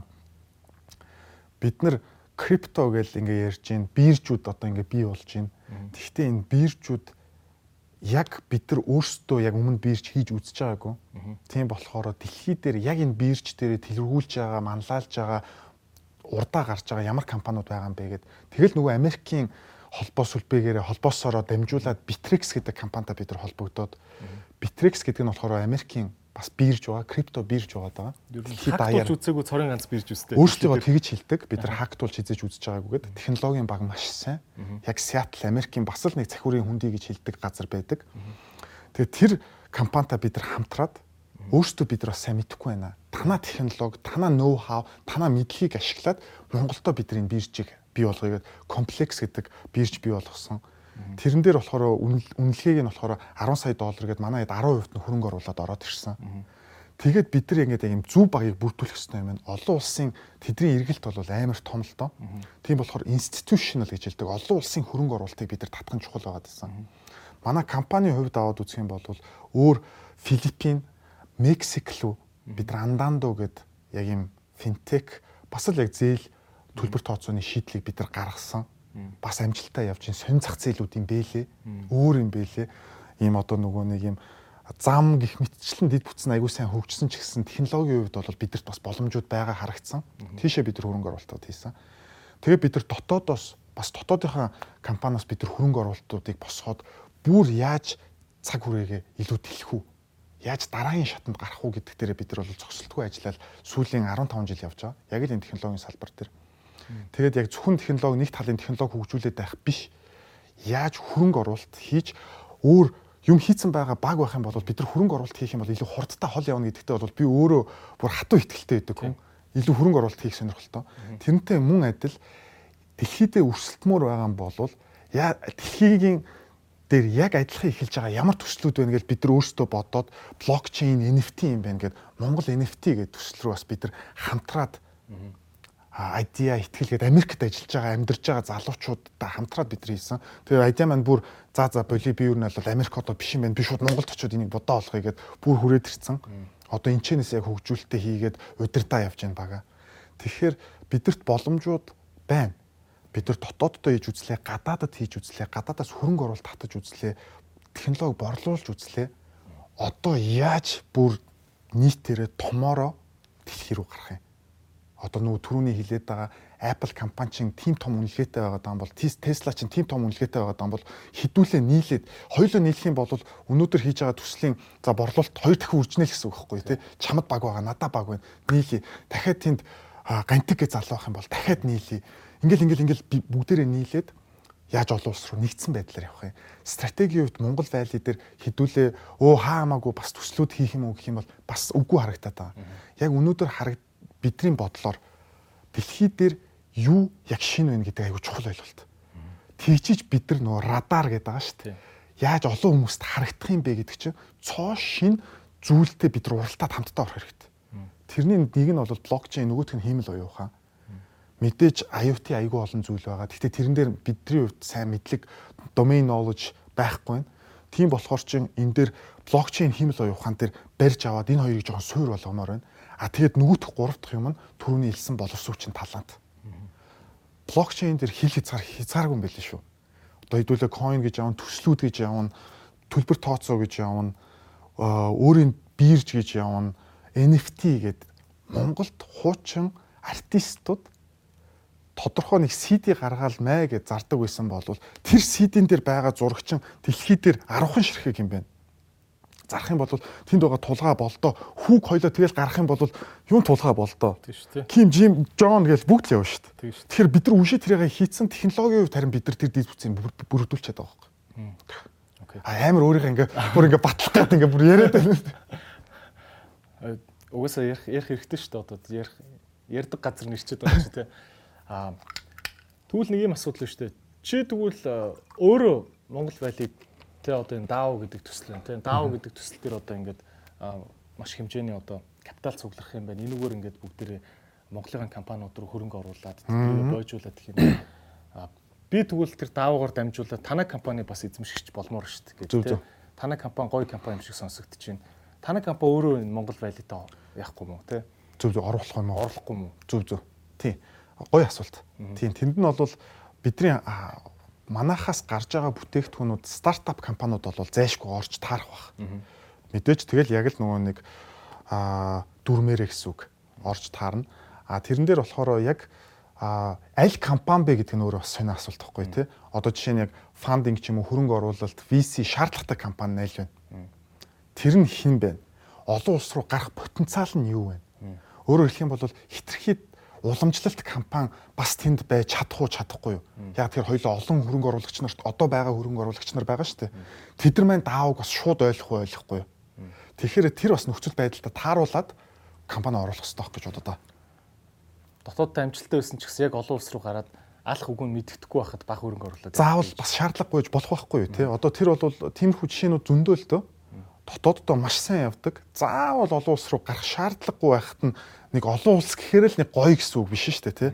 Олон улсад байгаад хідүүлээ бүүм хийх боломжууд юу вэ? Юникорн руу явах боломжууд юу вэ? Тэр ADB тэр аа манай нөгөө Apple-ийн хамгийн том Vanguard хөрөнгө оруулагч нараас бид нар авч чадах уу? Тэдрээс авал яа бас л сони юм байхгүй тий жинхэнэ утгаараа радард орж ирээд тэдрээс зүр хөрөнгө оруулалт аваад мөнгө нь бас тийм сонирм биш байгаа байхгүй. Тэдний яг тэр тарих ноу хав яаж хөрөнгө оруулалт юм бэ? Яг тэр бид нар ирээдүйд өөрсдөө хөрөнгө оруулагч нар болно шүү дээ. Тэнд WeChat шиг нэг төсөл хийцэн байгаа залуучууд тэнд Airbnb шиг хийцэн залуучууд руу хоёулаа хиймээр байгаа байхгүй. Гэхдээ хоёулаа өнөөдөр хийхэд зөв их үү буруу их үү гэж хоёуланаас асуултаа зөндөө байхгүй тий тэгэхээр тэдрээс хүртэл бас юм сурмаар байгаа Монголоос яг гарахаар төсөл чамд одоогор харагдаж байна. Одоо би бол гарааны бизнес гэдэг нэвтрүүлгийг Окоивтер хамт хийжсэн те. Одоо хамгийн л гайгүй гэсэн гарааны бизнесүүдийг бүгдийг нөрөөл бид хоёр гарааны бизнес гэдэг нэвтрүүлгийг аа баг 80 дугаар хийсэн баха. Гэдэг чинь 80 компанитай ярьсан гэсэн үг шүү дээ. Тэр чинь тэгээд одоо баг 7 8 жилийн өмнөх юм яриад шүү дээ. Амар те. 10 жил өнгөрсөн байх шүү гэдэг шүү дээ. Баг л одоо 10 жил өнгөрөх гэдэг шүү дээ. Тэгэл одоо би бас ингээл дахиад үргэлжлүүлээд подкаст тустаа хийж байгаа аа бас ингээл бизнесийн хүмүүс орж байна компаниудыг ажиж байна. Би бас яг ингээл өмнөнийг хэлэхэд харахад ингээл за идрээ чи яг одоо цаасан дээр яг одоо ингээд хөрөнгө мөнгө танил талаар нь туслаад өгчүүл дэмжиж өгчүүл олон улсад алхаар 10 компаниг цаасан дээр бич гэвэл би бол баг ингээ нэг цаг бол гацсан шүү. Ахаа. Тэ. Зүг зүг. Ахаа. Харагдаж байна уу? Тэгээд байхгүй байгаа юмыг одоо танаа нэст сурж байгаа 10 хизээ гарах уу те? Хүүхдүүдийг бас ингээ томроод нэг бизнес хийдэг болтол нь хүлээх ёстой юм уу? Тий яах вэ? Тийм. Энэ дээр бол нөгөө pioneer гэж хэлдэг те цойлогч нар айгүй чухал ролтой. Өнөөдөр Монголоос олон улсад гарсан компаниуд байгаа юу гэдээ аваад үзвэл байгаа шүү дээ. Манайхаас Мексикт гарсан байна, Америкт гарсан байна, South East руу гарсан байна. Lendimэн South East, South East гэдэг нь одоо Филиппин, а Сингапур яриад нь шүү дээ тий. Тийшээ гарсан байна. Гаднаас том хөрөнгө оруулалтууд авч үзсэн байна уу? Hippo Card авч үзсэн байна. А Lendos авч үзсэн байна. Ant Global авч үзсэн байна. Infinite бас манай компани авч үзсэн байна. Тэгэхээр цойлогч нар байгаад байгаа байхгүй тий. Өөр бас зөндөө компаниуд байгаа шүү. Энэ дээр би ингээд ингээд дуусчаа гэсэн үг биш. А зөндөө стартапууд байгаа. Тэр аяа. Сая StorePay гэдэг StorePay бас гадагшаа гарыг гэдэг ингээд компаниуд харагдаад байна. Ямар салб өөрийнхөө дотооддоо хоёлоо яг баг бүр яг тэр ярилцсан дээр ярьж ирсэн дотооддоо туршилтаа хийчээд гадагшаа гарах нөхцөл нь одоо бас бүрдээд байна. Ямар салбарууд харагдаад байна гэхээр илүү финтек руу EdTech руу яваад дээ. Одоо нөгөө салбар нь гаднаас авж байгаа салбар нь тэрэн дээрээ бас арай урд яваад байгаа шүү. Тэгвэл энэ ингээл болоо юм уу? Дахиад яах юм? Энэ цойлогч нар ч л нөгөө тэрнээсээс төгссөн хүүхдүүд эсвэл өөр иргэн тойронд байгаа дэлхий дээр байгаа хүмүүсүүдийг нэгтгэх хэрэгтэй. Өөрийнхөө нөгөөний төслүүдийг бүр л дараагийн шатлуунд гаргах хэрэгтэй. Яг юута хідүүлээ өнөөдөр өрсөлдөхөд энэ хэрэг даавуу шин юм байна. NFT гэдэг блокчейн дээр байгаа NFT чинь шин юм байна. Энэ блокчейн чинь шин юм байна энэ төслүүд дээр хэдүүлээ бас фокуслах хэрэгтэй гэж хараад байгаа байхгүй. Боловсролын салбар бас шинэ байхгүй. Өнөөдөр дэлхий дээр англи хэл сурмаар байгаа айгүй олон хүмүүс байна. Шууд сурч чадж гинүү чадахгүй байна. IT сурмаар байгаа айгүй олон хүмүүс байна. Тэд нар хүртэл бидний зах зээл шүү дээ. Тийм болохоор хэдүүлээ юу чадаад юу тухшаад үдцсэн дээрээ жоохон фокуслаад тэгээд гарчих юм бол бас чанстай. Тэгэхээр бас яг нэг 8 жил бас огт юм хийгээгүй биш. Бас нэлээд туршилтууд хийсэн байгаа да. Миний бодлоор яг чиний тэнд оролцоо одоо 80 компаниас за ядаж нэг 5-аас 10% нь бас нэг тодорхой хэмжээний гадаадаас хөрөнгө оруулалт хийж болон гадаадад нэг туршилтууд хийсэн байгаа ах гэж бодож байгаа. Тэр нь бол тийм бас муу үзүүлэлт биш баг. Нөгөө хэд чинь уйггүй өнөөдрийг хүртэл 10 жил үзнэ гэдэг чинь өөрөө бас нэг том үзүүлэлт байхгүй. бидэрт бас боломжинд байгаа нөхдүүд хараад байгаа. Одоо үгний гой цаг байгаад Яг л одоо моментод байгаад байна. Манай дотоодын хөрөнгө оруулагч нар маань бас ойлгодог болчиход байна. Тэр үед чинь бас ингээл хоёлоо гадагшаа гарах гэсэн юм аа хин инвесторээ надад нэг тэрбум хийчих гэвэл за юу илээ яах вүлээ гэл ингээл бүүн асуулт шүү дээ. Гэтэл өнөөдөр бол ингээ гараад үзчихэж байгаа юм чинь нөгөө нөгөө нөхдүүд чинь гадагшаа гараад үзчихэж байгаа юм чинь even IHC хүртэл ингээ сая гадагшаа ингээ гараад ингээд анхдагч нь болоо гараад ичиж байгаа байхгүй. Өөрөөр тэр юу гэсэн үг юм бэ гэхээр дараа дараагийн төслүүдийн замыг нээгээд байгаа байхгүй. Нөгөө Белоругийн чинь бүр л том болох гээд шүү дээ. Тэгэхээр энэ цойлогч нар амар чухал орхитой. Одоо үүрэгтэй. Ролто гэдэг үүрэгтэйтэй холсон чи оорхтой болчих. Ролто байхгүй тий. Энэ бол аюу чухал. Тийм болохоор би энэ компаниудаар бүгднгээр амар бахархдаг байхгүй. Бид нар бүгдээрээ бахархах хэрэгтэй байхгүй. Дотооддоо хийгээл алцаад байгаа биш байгаа байхгүй. Гадагшаа гараад өөрөө тэр бүх рискийг аваад өөрөө бүх тэр рискийг хараад Times Square руу зүгээр гаргана гэ гаргаж байгаа байхгүй? Эн чин бас барагтаа хүн шууд юу илээ л байхгүй юу? Тэгэхээр энэ бол бас алхмууд яг Монгол компани мөнгөний төлөө гаргаж шít гэж тэгээд. Үгүй харин түүл тэгээд ягаад өнөөдрийг хүртэл гаргаагүй юм гэдэг дахиад нэг асуулт. Тийм л амархан байсан болов. Тийм л амархан байсан болов. Ягаад гаргаагүй? Тэнд мэдээж connection хэрэгтэй, холбоо сүлбэ хэрэгтэй. Тэнд мэдээж өөрийн гэсэн рискээ гаргах маркетингийн хөрөнгө хэрэгтэй. Тэнд мэдээж очиод Тэр чинь ингээл нэг Times Square дээр би за гарлаа шүү гэж очиод гаргацдаггүй л үүдээ. Тэр чинь бүх юм нөгөө одоо нөгөө нэг юм төлөвлөсөн хугацаатай байгаа, таймтай, цагтай байгаа. Тэр чинь тэрийг бас гаргаж байгаа нь бол би бол та дээр айгүйх бахархсан. Үнэхээр мундаг. Энэ зүгээр юм рекламдж байгаадаа ч биш шүү. Энэ бол яг бид нар энийгээ хилж явах хэрэгтэй юм байлээ. Тэгэхгүй тэгэл нэг дуртаа ночоо гаргадаг байсан бол бид нар бүгдэнд нь тэр боломж байсан. Хинч тгээгүү таад маань хийсэн дараагийн компаниуд бас замын заагаад ингээд ийм байгаа шүү булган сүлтэй байгаасаа бүр л олон компаниуд гараасаа тэгжиж л нөгөө хідүүлэнгийн хилээд байгаа нөгөө бялуу маань бүр том болоод Монгол гэдэг улс маань өөрөө дижитал эдийн засгийг хөгжүүлж байгаа улс юм байна. Яа, радар дээр ингээ Монгол ороод ирж байгаа байхгүй. Тэрний ард нь хэн байгаа вэ гэхээр энд хүч хүчин зүтгэж байгаа бүх хүмүүс байгаа байхгүй. Бүгдээр байгаа байхгүй. Яагаад тэгэхээр биднэрт нэг л зорилго байгаа байхгүй. Нэг л зорилго байгаа шүү дээ. Тэр нь бид нар Монгол гэдэг зорилго байхгүй эндээ бид нар амар ихтгэлтэй байх хэрэгтэй байхгүй. Тэгэхгүй өнөөдөр тулгаагийн зорилго би хідүүлээ ингээд дандаа л юм өөрсдийнхөө жижиг зорилгыг тавиад байх юм бол хідүүлээ ингээд дандаа л юм өө 3 сая хүн амтай юм бэлээ гэл нэг юм гадаадд яриад тэгээ түүхэн сайхан юм бэлээ гэл хідүүлээ яриад байх юм уу? Аль эсвэл наа чин 3 сая үнэтэй ч гэсэн цойлогч нар амар ихтэй. Монгол гэдэг брэнд чи амар шүү. Наадах руу чи очих юм бол хөрөнгө оруулагч нар ер нь бол боломж нь одоо нөгөө нэг амжилттай болох боломж нь хамаагүй өндөр юм байл шүү. Амар өгөөчтэй юм байлээ, efficient юм байлээ, шудраг юм байлээ, үнэн ч юм байлээ. Яг нэгдэх юм бол алд юм байлээ гэдэг. Энэ бол мөрөөдөл واخгүй. Эний тулд бид нар явж байгаа шүү. Тийм шүү дээ. Хоёлаа яг уулзаал 7 жил гэдэг чинь 7 жил хоёлаа энийг л тал талд хийгээд байгаа байхгүй юу? Яаж хүмүүст боловсрлыг түгээх юм? Яаж IT-ийг сурах юм? Яаж англи хэлийг заах юм? Эн чинь ингээд нэг би ямар ч багш бол агуу хүн бохгүй. Энд чинь ингээд өөрөөсөө олон хүнийг мэдлэгтэй боловсралтай болох гэдэг байхгүй. Энд чинь агуу бохгүй. Энийгээ хідүүлээ ингээд догоо нийлүүлээд маяг гадагшаа гаргаад яг л нөгөө гадаадд байгаа монголчууд яг ийм үзэл бодолтой байд юм аа. Бүгдэнтэй нь уулзгаад бүгдээрээ л Монголда гоё юм хиймээр байна. Яаж хийх гэдэг бас нэг аргаа бас болохгүй байгаа шиг байна. Зарим нь зарим нь олж ийн мэдээж. Гэхдээ тэд нар бүгдээрээ энэ зүрхтэй. Ягаад тэгэхээр хажууд нь хамт Amazon-д ажиллаж байгаа залуу нь Хятадаас ирсэн, Японоос ирсэн, энтхээс ирсэн хүн байгаа юм чинь. Нөгөө хүн чинь ингээд дахиад нэг Монголоос нэг хүн ирээд хамтдаа тэр нэг Amazon-ыг бас бодоо олгоё. Хажууд нь бүр нэг гоё юм хий гэж бодно шүү дээ. Тийм шүү дээ. Окей. За Gabit-ийн Монгол Valley гэдэг төслийн талаар манай сонсогч нар их дэлгэрэнгүй сонслоо тий. Одоо тэгвэл яаж холбоотой байх вэ тий? А би ямар пэйж рүү орох вэ? Мэдээлэл хаагур өгч байна Цаашаа яах вэ? Хариулаач. Окей. Тийм. Өнөөдөр ингээд дүнгэж ингээд яриад төдий байхад ингээд манай идрээд би ерөнхий ингээд нэг ийм юм бодож байгаа хэдүүлээ хамтрая гэдээ ингээд хэлэхэд идрээ чи эхлээд хүмүүс нэг таниулаа гэдээ ингээд өнөөдөр подкастт орсонд маш их баярлалаа бро. Энэ бол айгүй тийм чухал хүмүүст хүргээд мэдээлэл хүргэнэ гэдэг өөрөө тийм амархан гэж хүмүүс боддог хэрнээ тийм амар ажил биш юм байлээ. Тийм болохоор тэнд маш их баярлалаа. Аа тэгээд одоо яг нөгөө бид нар presentation энэ одоо сая ярьсан юмнуудыг бүр энэ дэлгэрэнгүй одоо ингээд сая бол ингээд үсрээл зарим юмнууд нас орхигдсон байж магадгүй л те. Тийм болохоор бид нар Facebook дээр Монгол Монгол Valley гэд хуудас нээсэн байгаа. Англиар бичсэн мөн тийм. Монгол Valley гэдэг тийм англиар бичсэн байгаа.